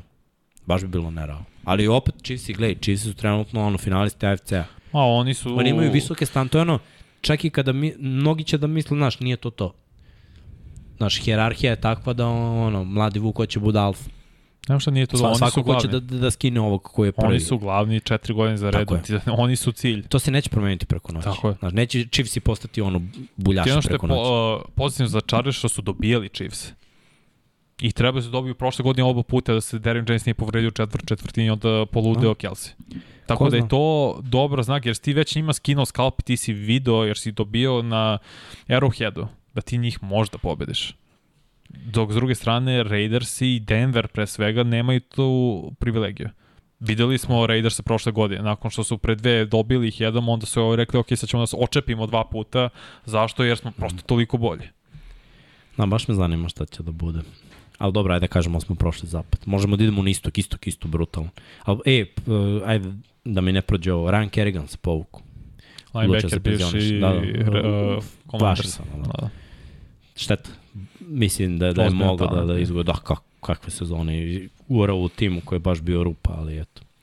Šteta. Uh, evo, Sam Darnold i Baker su delili 50-50 snapove. Oh, znači, ba, baš je bilo u tom fazonu. Dobro, imamo dosta ovaj, povlačenja. Uh, Tyson Hill isto ne trenira, ima povrede. Mm -hmm. Sad malo više izlazi. Uh, Derek Wolf se povuk za Baltimore, isto, što igra za Denver. Da. Aj, kad smo već tu bili. Da, to je bez veze. Dosta, dosta penzionisanja danas. Ali dobro, mislim. To A početci trening kampa shvatiš on kao, da. možda je to, nije, nije to više za mene. Da. Znaš. Uh, ajmo, ajmo na istok. Ja bi u istoku krenuo od uh, Petrioca, od ono, ekipe koja nije baš bila planirana kao playoff učesnik prošle godine. Ušli su u playoff, izgubili su neke važne delove svoje ekipe, ali su dobili par neke počanja. Male ono, izgubila odbrana, dobio napad. Uh mhm. -huh. Prošle godine odbrana je bila skroz ok do nekog kraja, mislim da ima dosta, dosta još tu prostora za adjustment. Mislim da je pritisak krenuo da radi u odnosu na pre dve godine, kada ga nije gotovo uopšte bilo, tako da i to dalje ima dosta prostora za napredak. Uh, trenutno, kad pogledam, delo mi da je napad bolji tim, mislim da mogu da naprave balans, videli smo već da mogu da trče, isto su imali malo problema s povredama, ali taj napad može da uspostavi igru po zemlji i da Mac Jones ne mora da bude heroj, a Mac Jones će sad biti mnogo opušteniji u drugoj godini. Pa Bill ga je nahvalio mislim da, da, poprilično. Mislim da ovo dovođenje Parkera je velika stvar, mm -hmm. sad imaš ono, Parker je atleta, Yes. Baš. I on nije isto imao priliku da igra sa, sa onom dobrim quarterbackom koji bi iskoristio njegove fizičke predispozicije. Niti imao sistem neki tako. Sumnjam da će ovde imati neki sistem, ja ne znam ko će zvati akcije. Ne zna se ni ko je ofenzivni koordinator, ni ko je defensivni koordinator. Svakako je upgrade u odnosu na Nekila Herija, svakako Absolut. imaš dva slot hvatača i Borna uvek možda šalješ s polja, imaš dva dobra tight enda. Imaš šta da očekuješ i znaš u stvari šta očekuješ od Patriotsa ofenzivno. Defanzivno čekamo te nove likove. Ja nemam pojma. Koje su uvek pojave. Da, da. Neko, neko će dobiti šansu da, da, da bude novi JC Jackson i novi Stefan Gilmore. Znaš, no, novi igrač koji će... Novi jedan... Dante Hightower. Da, Hoće. I uvek kod njih, Logan Ryan, ništa dok nije odigrao za Patriots. u- uvek imaš nekog igrača koji ono postane dobar igrač, pronađe svoju svrhu, bil ga zamisli na neko mesto i to jednostavno bude to. To očekujemo od Patriotsa. Tako. Biće najteže. Znači, trenutno imaju Billse koji su zvanično top 3 tim u AFC-u. Malo Možda i toga se promenilo i Billsi pucaju na Super Bowl. Imaš Miami oko apsolutno ništa ne znaš, osim da će verovatno sličiti San Francisco Da će biti 49ersima i, i, i da lete. Bukvalno. E sad, Zastrašujuće to što je ajde Tyreek malo da Hill... idemo ovo troglavo čudovište, Može. pa ćemo na Jets. Zastrašujuće to što je Terry Hill rekao da je Vladal njemu čak i uživo brži nego što je mislio. Što Pa. samo govori koliko je Vladal i Hill i koliko će to biti Izr I iskoristi jedan termin, uh, Terry Hill, neću da kažem da što je opsovo, nije ni važno, ali kao biće prestavljene protivničke odbrane. Pa dobro, to je normalno. Pazi, imaš vrhunskog tight enda koji je visok, koji, da. koji može da operiš u sredini, imaš dvojicu igrača koji mogu da samo sklone. Ja, Ceo baš me zanima šta će sve McDaniel da smisli. Pa, tome, da, taj kako će da lete, da. Ja očekujem te mnogo misdirectiona, mno, mnogo nekih stvari koje, koje nisu bile pre. Ofenzivna linija je bolja, backfield je Jeste. neviđeno bolje. Jeste. Znaš šta je najsmešnije od svega? Miami nikad u istoriji svoje franšize nije imao uh, karte na, na tipa ono da se čekaju karte. Uvijek si mogu kupiš karte za utakmice I za. Dan Marina. Da. U istoriji franšize se nikad nije desilo ovo što se sad desilo. Zašto je hype? Tyreek Hill je ono malo... Hill Bacio radi hype-a mnogo. odličan hype Znaš, svaki dan Tu skoro. je precizniji od Mahomesa, Tu pa je sad ceo svet priča o tome. Tu, je ovo, tu, tu ima jaku ruku. Tako je, tu E, ću to je- biti u, u dva ujutru Ovaj kod je kuće, spremat ćemo jaje da bi Da. im razvili hemiju. Misli, Tyreek Hill je stvarno od, odradio publicitet na odličnom nivou. Ej, I uzdigo je, je sve. Plus, znaš, doveli su trenere koji sad, znaš, su poveli neki igrače sa sobom i kultura i sve, pa gledaš odbranu koja je prošle godine ugasila neke, neke Jeste. napade i možeš da kažeš da ono, bi- bilo je tu će dosta oscilacija, a, ali energija je trenutno mnogo bolja u Majamiju, očekivanja su nikad veće u Majamiju, I mislim, pazi, on, tu je odigrao 20 tekmiča, 21 utakmica odigrao. Dobio je samo. 13. Nije to toliko loše. Nije, Sada- ali, sada ovo ali kao na prilika, da. Hrca, o, ogroman je sad pritisak Jeste, na tu. jeste, tako jer Tako ti je. nemaš opravdanje. Kao što ni Devin Jones nema, ti nemaš sad opravdanje, jer ti stvarno imaš sve. Ali Bolja je čekaj da te ofenzivna pitam, linija. evo na papiru, Aha. su ti bolje od Patriots na papiru. Jesu. Nisu mi bolji kada budu igrali Kad i dalje ću igraju imati prvo kolo 100, u Majamiju. Da, tako je. I pazi, o, obe ekipe se susreću, Mogu ti kažem, ceo istok igra sa severom. To je isto... u prvi četiri Da. i pet nedelja, da. Mogu ti kažem, znači meni Jets imaju više talenta nego Patriots. Pričat ćemo o Jetsima, odvojeno Da. Jetsi stvarno papiru u napadu, pre Da, svega ja sumnjam da će oni uspeti da se maknu s četvrtog mesta ove divizije, jer je Ne prva, mislim da će služiti ono prva da- godina, tako je. ali Jetsi od ovih loših timova, gde si malo budućnost, iznabrajao sve, U sve žive, a njih nisi. A ne, to, je, bilo- to sam u NFC-u. Aha, okej. Mislim, i oni spadaju tu u samo dno NFL-a, ali sa najtalentovanim rosterom. Ubelio, stvarno ubelio. S druge strane, pričanje Jetsima, u, ubrzo Bills i Super Bowl. To je cilj, skoro svi su se vratili, pogotovo odbrani. Tre Davis ne trenira. I pitanje je da li će igrati na početku sezone, da ali su odradili Mislim priču. da neće prvih mesec dana, draftovali su zar ne cornerbacka, da ga menje dok ne dođe. No, tu i Valas. Tako je. Tako da ne, problem će biti za Billse, uslovno rečeno, obnoviti sve. I ko će biti running back? Ja mislim da će biti mlađi brat od Elvin Cooka, odjednom da će se iskočiti kao running back broj 1. Neko je tu Zach Moss, Devin uh, Singletary, ali mislim da će ovaj posle prvih mesec dana dobijeti sve više snapova. Moguće. jer je, je zbog imena i neko mi deluje da je fizički, ovo što sam gledao na par trening kampova, Da. mini kampova, deluje baš spremno. Da, ali mora da se, znaš, Singletary koji prednost ima malo osjeća ofenzivnu liniju. Skapir, ja mislim da, da je njemu trebalo malo vremena da, da mm -hmm. se Mhm. oslobodi i da dobije u stvari repove, jer mislim sa šest trčanja po utakmici nijedan running back ne može da bude produktiv. Ali čim je dobio malo više, bili su baš trčali prošle godine i, Pri kraju, i, da. da. I to je bilo jako važna stvar i za njega. Zanimljivo mi je, jako mi je zanimljivo. Ovaj, i, i, I dalje sam nekog mišljenja da, da je AFC toliko, te, o, evo ove tri divizije, ajde da manemo jug, jer u jugu imam dva, dve ekipe. Ali ove tri divizije, sad što smo prošli, znači to je 10 timova za playoff. Samo sedam ulazi. Da. Ali ovde ima, znači, ja sam siguran, znači ako Dešon igra, doda još jedan tim. Ali ako Watson ne igra, da, da maknemo ovamo Cleveland, Čekaj, čekaj, čekaj, upatili smo i Pittsburgh. P- Pittsburgh je meni uvek playoff tim. Ok. Pittsburgh je taj tim koji kad igra najgore, on će pobede neki tim koji će budu, na, ne znam, naći će način Znaš da koje pobede. tri ekipe nisu za playoff u AFC-u? Jetsi Jacksonville, i Houston. Houston. E, to je to. To A- ti je, stvarno i, to je to. i neko će da, da čaukuje, Znači, ali 13 timova sada realno imaju šanse za playoff u AFC. Baš I to. to realne šanse. Sad, kad smo već Jetsi, meni stvarno Jetsi i, i B, Hall i ovaj Michael Carter. Znači, Michael Carter je prošle godine draftom pozicijan beka, Brees Hall sada, Brees Hall je talentovan i mislim da će biti starter. Hvatači, potpisan je, pomozi mi, ko je došao, ne AJ Brown, nego Uh, stav mi mozak sada ko će biti hvatač broj 1 u Jetsu. Corey Davis. Corey Davis. Ne, ja, mislim na ja, Tennessee- Ja razmišljam da li je potpisan ove godine, pa ne, se ne, stao. Corey Davis je bio okej dok se nije povredio. tako je. A, Ima ali to je broj 1. Corey Davis, draftovali su isto hvatače. Uh, potpisali su u Zomu. Ofenzivna linija je bolje, potpisali su Garde i San Francisco ovog Laken Tomlinsona, Elijah Vera Tucker je desni gard. Mislim, Beckton su prebacili na desnog tekla, mislim da će biti bolji, da i on isto shvatio kao, ok, ako se ne ozbiljim, stvarno će trajati karijera tri godine na NFL. A imam predispozicije, budem uh, planina koju ne može niko pomeri. Baš to? I s, u napadu Jetsi mi je brutalan, brutalan tada. Opet, godina sazrevanja Zeka Wilsona. Tako je. Biće mu nikad teže.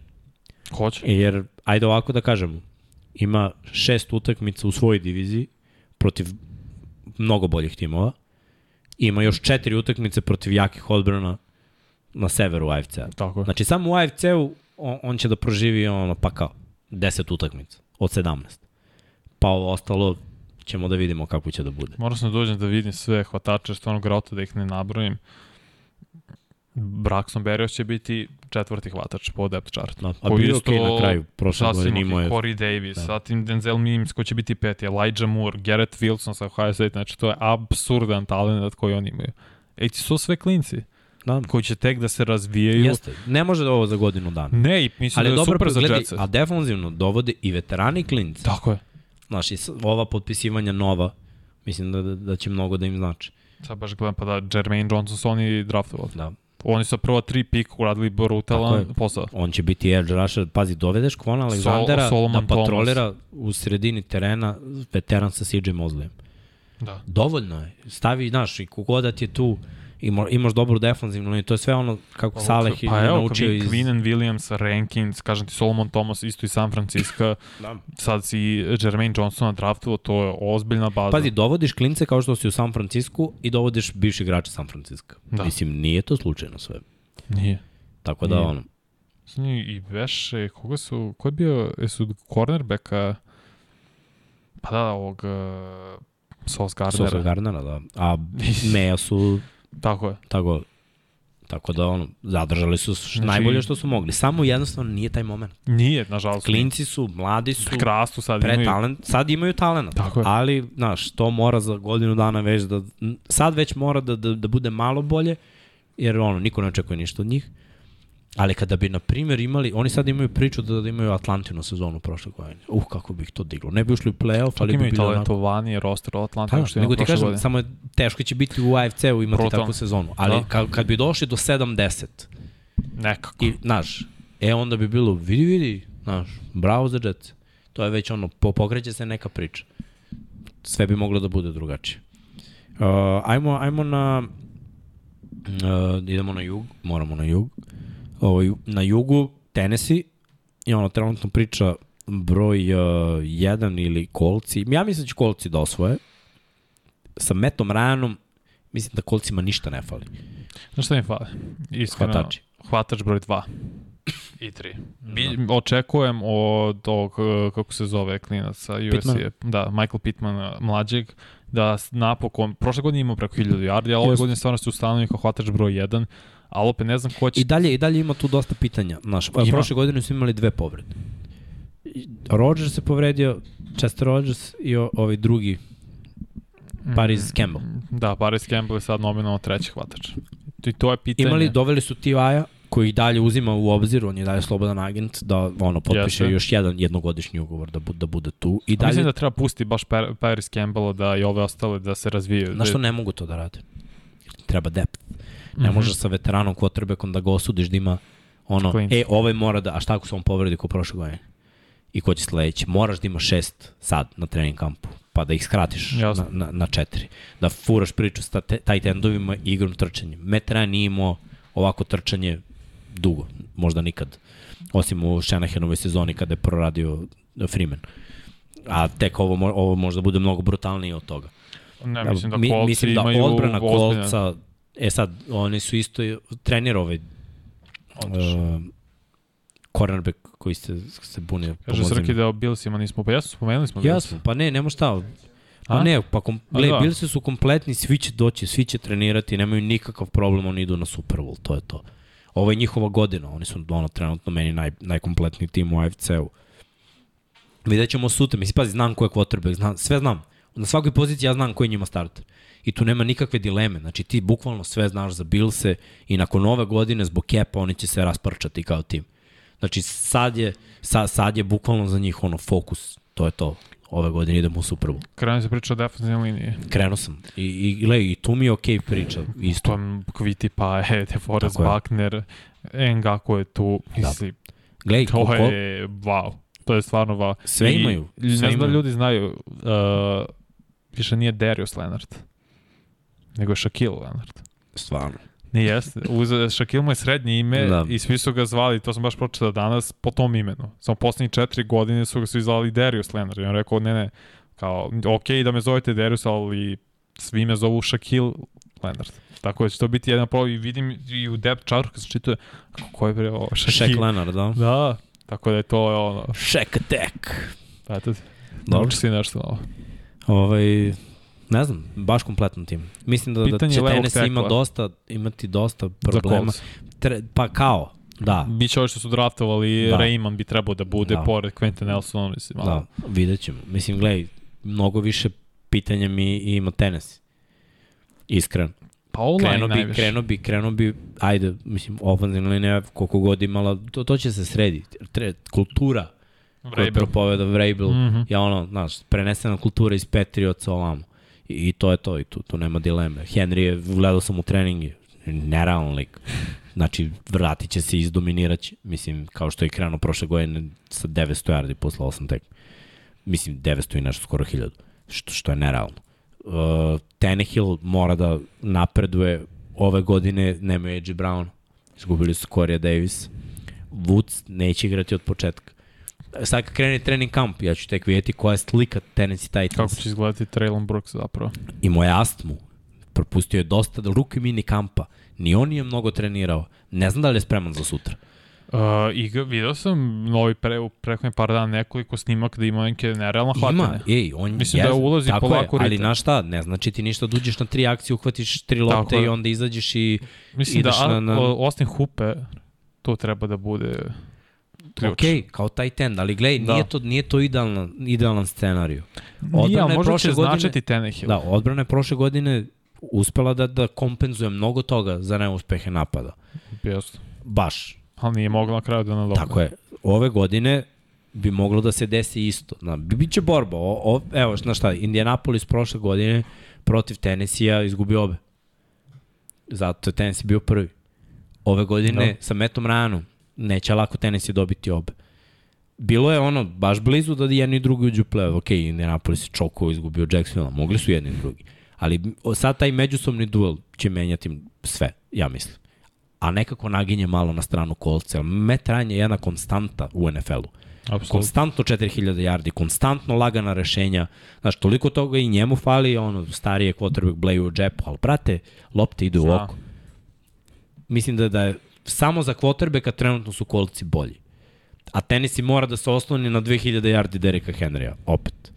Ako će da idu dalje. I prvi put prošle godine se Henry povredio. Da.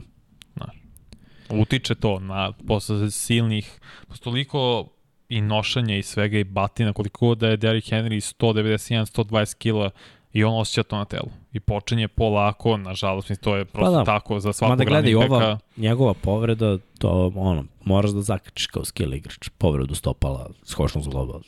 To, to je neminovno. Koliko god imaš mm. -hmm. kila. To, to je, znaš, ja ne znam igrača koji nije povredio skočni zglob, palac, no, ono, metatazalnu neku. Je, jednostavno mora to da se desi. I ovaj, mislim, malo je bilo možda i kalkulacija, ali pazi, on je opet izgurao to jako. Vratio se on je u play-offu bio vrh meni. Se vratio u play-off. Yes. On, ne bi, ja ne bi da se to zaboravi. I odigrao je super tekmu. Skupio je ceo boks na sebe. Tannehill samo nije smeo da baci intercept. Oni su imali field goal za pobedu. Mislim, mogli su lagano da dođu u situaciju, ja mislim da bi Chiefs se pregazio Henry. Da su tu tekmu dobili Bengals i da su otišli u finale na, na Arrowhead. Derrick Henry bi strčao 300 yardi. Chiefs nemaju način da zaustave trčanje. I ne, nije ne bi imali ni u play-offu. Mislim, ja sam gledao utakmice gde ono, Derrick Henry se igra sa Chiefsima. Tako da, ono, dobro, ne bi sad, šta, je, šta bi bilo Mm -hmm. kad bi bilo. Možemo ali- brzo ove dve tamo da spojimo i Jacksonville i Houston. Jacksonville se pojačao toliko u off-seasonu, tu je Doug Pederson, to je nova priča, imaju bolju situaciju. Svi Kako kažu, god da je ceo bolja situacija da je Houstonu. sad, sad je profesionalno. Sad izgleda Da. no. profesionalno Ej, sa Doug Pederson. To što je neko je pre pegao je na svoju super. Tako je, Prvi u istoriji Filadelfije, tako je. koja je imala brutalne trenere i vrhunske timove. Imala Andy Rida, bre. Deceniju i, i kusur. I ništa se nije desilo. Doug Pederson je ozbiljan trener. Mm -hmm. Mhm. I to će se vidjeti. Vidjet će se razlika. Hoće, apsolutno. Vidjet će se sazrevanje igrača. Imaju bolji roster nego što su imali prošle godine. Apsolutno, Stvarno imaju. Da. Imaju bolje igrače na svim pozicijama. I ofanzivno i defanzivno. U AFC-u su jako teška, jako teška konferencija, znaš, divizija i, i znaš, dobi, i da dobiješ Houston i da iznenadiš možda jednu od ove dve ekipe, nije da se nije dešavalo, Tako je. ali ostatak AFC-a Pa i ono, šta god da ti dođe, bit će jako teško. Znaš, to, to je sad proces učenja igre. Oni sad moraju da nauče ono, šta je NFL. I taj proces će biti ono mukotrpan i mislim da nema uspeha. S druge strane, Houston i u gori situaciji. Mnogo manje talenta i, mislim, da li je Mills rešenje za quarterbacka na kraju? Um, nažalost, meč i ruki hvatač je dobio diagnozu da ima leukemiju, nada se da će brzo da se Da. oporavi. Držimo palčeve, neće ga biti ove sezona. Opet, Houston je mi nejasno mi šta su radili na draftu, draftovali su garda kad su tada imali mnogo bolje opcije i nisu ni najbolje garda draftovali. Cornerbacka. Cornerbacka ok, visoko Derek Stingley Stingley, za da. moj ukus za trećeg pika mogli su edge, edge da uzmu nekog tipa Evo, da je to Houston bio ide- ili ide, tekla. ono, da. Ali ne znam šta je plan Houston. Koja je smernica, koja je ne, ideja? ne ova znam. godina. Ne ova godina. Ne, ni naredne dve, tri godine. Pa da. I, i, to, je, I to je, neću kažem ok, ali to je opet realno, što si rekao, AFC.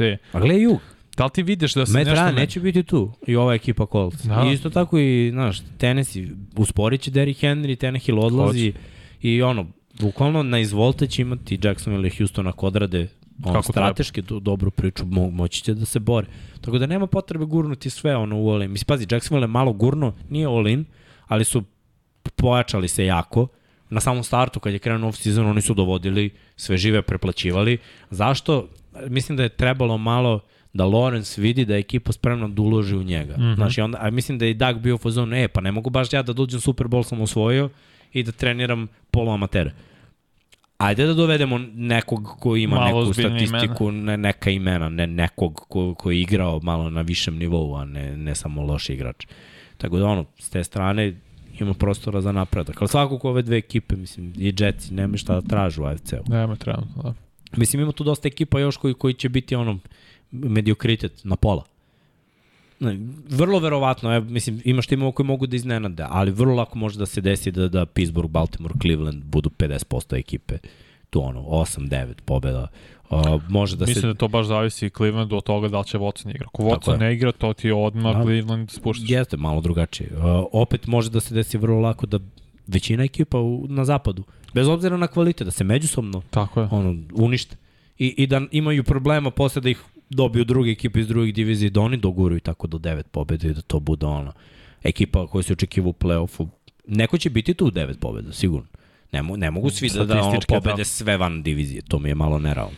Isto, znaš, tu možda čovkuje. Miami može bude propast. New England može be, bez ovih nekih igrača isto da bude ono na devet pobjeda.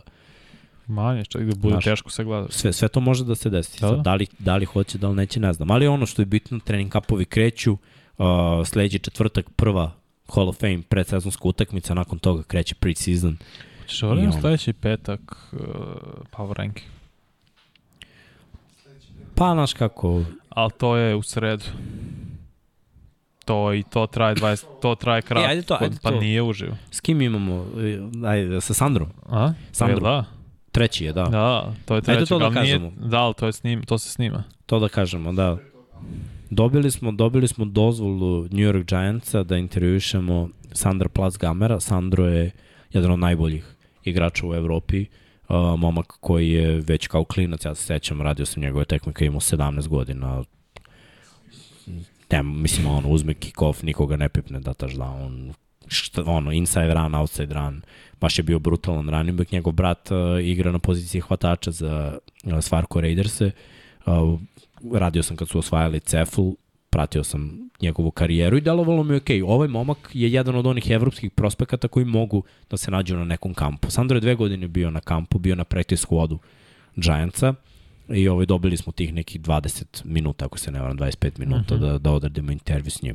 Uh, tako da ćemo to snimiti u sredu, pa ćete u petak to moći da vidite. Mislim da je to velika stvar, jer da dođemo do ekipa i da intervjušemo velike zvezde, teška priča u Srbiji, da, da, da budemo realni, ali da dođemo do igrača koji imaju uh, evropske korene ili koji su igrali u Evropi, mnogo je lakše da, ono, doći do igrača koji nije neka velika zvezda. Sad, dobro što smo uspostavili taj neki kontakt sa, sa medijskim timovima NFL, mislim da je, da je ovo velika stvar i da će Sandro moći mnogo toga da nam kaže kako je trenutno. Drugo, opet sad pričamo, ne znamo šta je.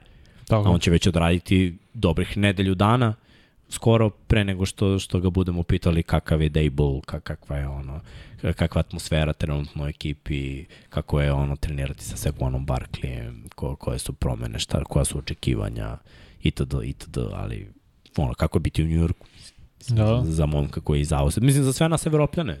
Znači, New York, živiš u Njujorku. Živiš i radiš u Njujorku. Sigurno, sigurno je nebo zemlja razlika. 100%. Ono, gde, go- gde god da kreneš, milioni ljudi su oko tebe. Na milioni turista su oko tebe, ne, Da. ne ljudi koji žive tamo. To, I to svaki dan. Tako da, je- jedva čekam kako, kako će to da ispadne. A, ovaj, ljudi, pucajte neka pitanja. Ajde, da još par minuta pa da privodimo kraju. U principu, Uh, što se tiče ovih dešavanja, to, to smo rekli ko se povuku, koje su povrede, ko trenira, ko ne trenira, to nam je bilo onako uh, najvažnije. Kažu, Matt Ryan je natero kolce da treniraju brže nego ikada. Nemo došao profić, došao tata. Nema zezanja. Ajde da scrollam gore da vidim da nije bilo nekog pitanja, ako, je, ako znam to da uradim. Opa. Ide li? Mhm. Šta se dešava sa Dešonom Watsonom? Znali si imali neke kazne? Ne zna se. Ne znam se, i, I, dalje, I dalje čekamo. I ne znam se kada će biti. Da. Čekaj da vidimo dalje, da vidimo dalje. Da, ba, baš slabo. Inače, ljudi, 130, ja opet, eto, kao, umesto da budem kao Srki, da apelujem ovde na lajkovanje, na vrt, da se zavrti algoritam, stalno mi to negde ono, Ajmo ljudi, glavi, znači da. lajkujte, subscribeujte, da, komentarišite, podelite, tako da tu mora, mora algoritam da se pokrene. I posebno pozdrav za naše Patreon koje, se, koje ćemo posle videti, ali ako hoćete da poznajete Patreon, imate Patreon kroz Infinity Lighthouse ili Svetioničari, YouTube članovi. postanete naši članovi, subscribeujte se svakako, imat ćete mnogo obaveštenja što se tiče našeg eh, kanala. Pitanje je da li će NFL biti na SK, bit će ove godine, do drafta. Znači i Super Bowl i draft. Tako obično ide. E. A posle će vidimo. Um, da vidimo dalje, da vidimo dalje. Ko će najviše, ja to imam u pitanju od Favela Kubea, ko će najviše iznenaditi, ko razočarati? Timovi i igrači. Mm, mm, najviše će iznenaditi... Ja mislim, ja, pazi, ovo je moje neko verovanje. Ja Aj. mislim da će me Miami najviše iznenaditi. Zato što konačno ću vidjeti Miami koji trči previše talenta da me ne... Mislim, glej, sve što je bolje od pet pobjeda u sezoni, u moje glavi, bez obzira što su imali više pobjeda, u moje glavi iznenađenje. Ako Miami uđe u playoff, to je meni apsolutno iznenađenje. To nisu imali prošle godine devet. Da, i pre dve godine Deset. 10 i nisu ušli. Ali, znaš, opet bi mi bili, ve- bilo bi mi veliko iznenađenje baš. Saints će osvojiti NFC Jug. Jug. Da, mislim da će to Da, biti glavno to je baš iznenađenje. iznenađenje. A najveće Razočarenje. razočarenje. Mm. Mm, mm, mm, mm. Ne verujem. Ne verujem. Ne verujem. Men, me, meni, Tennessee. Da, tenis je jedan od timova koji baš može Tenis. da razočara, jer su bili najbolji tim u AFC-u, mada opet imaju neku dobru kulturu. Dallas je ekipa koja može da me dosta razočara. Da ne uđu u play-off. U nekom lud... Ili gledaj, da uđu u play-off, ali da sami sebi pucaju nogu tako da idu na najbolju ekipu. Znaš, da, da, da budu, da ne uđu sa dobre pozicije, nego da se namesti play-off tako da ono, eliminacija u prvoj rundi. Oni su prošle godine išli na San Francisco, ali sa dobre pozicije, kao prvaci Pa, divizije. vrlo lako Zamisli sad može ne da odu se kao desi- prvaci divizije i nalete lupom na Remsilnu tampu. Vrlo lako može se desiti da ne uđe uopšte u playoff i da to nije iznenađenje, jer imaš, ajde da kažemo, Bucks i Saintsi, imaš San Francisco Ramse, imaš osvoje što mislimo da će biti imaš Fila. Green Bay, Minnesota. Tako da vrlo lako no. može se desiti da Dallas propusti playoff. I ne bi Ali ne, mene bi to bilo iznenađenje. Iskreno, ja baš ono, mislim da Mene ne Dallas... bi došlo tako je Dallas. To je i NFC isto generalno. Ja, kad je posljednji put neko osvojio dve godine za redom NFC istok? Fila, Fila. 2004. 5. Ne bre, sad, Nije. skoro. Da, Nije, da. nije proveri. Mešali su stalno. bili su play-off. Pa bili su u prvaci play-offu, ali nisu osvojili. Znači, ne, Da, da. prvak divizije nije bio Čekaj. dve godine za redom, ja mislim... Oni kad su ušli su prvi bili su prvaci, ka- bili su prvaci divizije, tad su bili da, prvi jesu, seed. da, a kad je sledeće godine, Dallas. To je bilo sledeće a godine. oni dobili Atlantu i Chicago. Da, sledeće godine se desio Dallas, gde se desio Dak, uh, ruki godina, ili nije. Nije, nisu, nisu sigurno osvojili. 100% nisu osvojili. I znam da je koje godine ono uh, Redskins, to jest Commanders, to jest football team osvojio nešto uh, slučajno. Ali nije, nije se desilo baš dugo da je tim vezao Da, da, da. dve godine. Ne znam. A Dallas mi opet nema toliko dobar tim na papiru, makar da mogu. I ofenzivna linija pitanje koliko još može Tyron Smith i Zach Martin da igraju i da drže celu ofenzivnu liniju. Ne bih znao. Ali ćemo da saznamo. Tako Ali svakako bi mi bilo je. iznenađenje, iskreno. Jer ono, opet imaju manje, manje promena od tipa Minnesota, od Saints, šta znam, vidjet ćemo. Jedva čekam, iskreno, jedva čekam. Ali ajde da kažemo da, da je to bilo to za, za večeras. Nadam se da ste uživali. Još jednom uh, poziv svima da se subscribe-ujete ako niste, da postanete naš član na YouTube-u, da budete svečioničari ili da budete uh, Pokrovitelji. pokrovitelji na Patreon. Patreonu. Takođe, očekujte još dosta sadržaja, aktivirat ćemo se. Uh, evo Goran pita šta očekujete od XFL-a. Iskreno, malo bolju medijsku zastupljenost nego USFL.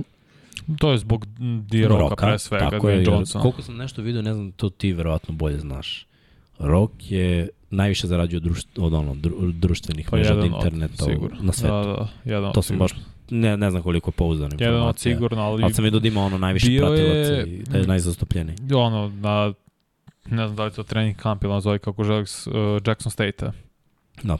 kod Dion Sandersa i to Da. je ozbiljna pumpa se digla zbog toga što je super i to je i dobar je publicitet i za Jackson State i za te HBCU univerzitete i za sam XFL. Tako da ne, uopšte ne sumnjam u tu, u tu medijsku pažnju koju će dobiti baš zbog Dwayne Johnsona. Vrlo moguće. Mislim, iskreno, XFL, USFL će slati ljude u NFL. Hoće. To je već sad krenulo. Znači, brzina je slična, najtalentovaniji će dobiti šanse. Mislim da će baš Povreda je sve klinci više. sa takvih koleđa HBCU dobijati šansu Da. u XFL-u zato što je to i jedna Mora da poruka. postoji Tako je. druga liga. Mora da postoji Tako je. druga liga. Uh, došli smo do momenta u NFL-u da imamo premium talent i da imamo i, i likove koji nisu u formi. Svako ko nije u formi, ko jedva uđe u tim, mora, znaš, da, i- da bude izazvan od strane nekoga ko može da bude veliki talent, ali nije bio na spotlightu. Nije ni Pravo. dobiš, tako je. Nije, nije dobio pravu šansu. A neko mora da ga, znaš, ako te ne vide u NFL-u, ako ne znaš prave ljude, ovde mogu da te vide. A Tako da ja očekujem da će bilo da nisu mogli bukvalno nigde drugde. Ako ne igraš u NFL-u, a baviš se američkim futbolom, nemaš gde da igraš. Jer je Evropa mnogo slabija, no i daleko i bo ti si od, za njih bogu i za nogu, oni ne gledaju to. Ovo već u Americi X- XFL, US, U, SFL, tako da tu si. Znaš, na oku si i medije i medijska pažnja će biti Jeste. sve veća, tako da ćeš dobijati to što ti kažeš priliku, budeš u spotlightu. Gledaj, ove godine je bilo par trenera koji su trenirali NFL timove, sledeće godine će biti još četiri. Da. Tako da ono, to je maltene NFL sistem i, i to je skroz cool. Uh, šta je NFL Plus, to sam danas gledao, prvi put sam danas video, sam upalio Game Pass posle svog godina. Imaju sad nešto plus. Da, ne, oni imaju sad foru, da, da, da će da guraju taj NFL Plus, ali to je kad već uzmeš aplikaciju za Game Pass i, Ti- i trebaš da dokupiš NFL Plus da bi mogao da gledaš. Za sad stoji za sve presezonske utakmice, ali da ovaj, je free trenutno. Da ga samo aktiviraš. E da, kako će naplaćivati, šta saznaću? Nije mi jasno što, čemu, petka. čemu će služiti NFL Plus. A, Ako već imaš Game Pass. verovatno će biti dodatno nešto i Game Pass će te svesti na ne, na, na ne all inclusive ko što je bilo do sad. E me kapiraš? Pa dobro, mislim, Na primjer, pazi šta sam čuo danas, što mi je jako smešno. Ako ste, to, to naša, ako ste u Sijetlu, a želite da gledate predsezonsku utakmicu Atlante, kao kupite NFL+. Plus. Da li geolokacija, ne razumem, znaš, kao da možeš da gledaš ako uzmeš Game Pass sve što je, ono, u, ne znam, u tvojoj diviziji, u tvojoj da državi. tipa da li je vezano samo za njih? ima pravo ili kogod, Znaš, ili, Fox, ili će mislim, biti nevažno. NFL Plus da možeš da gledaš utakmice koje idu lupom na Amazonu, na ovom milionom. Jer naš NFL sada okay. trenutno možeš da gledaš sve utakmice, ali verovatno Amazon i ovi koji su kupili da pre, on, imaju ekskluzivu, žele da je naplate i da to ne ulazi u cenu Game Passa, ali da će ući u cenu NFL Plusa koji će biti nešto skuplji dodatak. Možda, lupom gluposti, saznaću sledeći petak, ajde da, da, da se ne frljamo ovde. Mislim, svako je bez veze ideje i A, dodatni način naplaćivanja. Pa dobro, naravno, pa, ha, pa i ču, ču šta, smislo da, da, da, da, da, samo da uzmu više, Kapitalizam. da uzmu više love, užas, užas.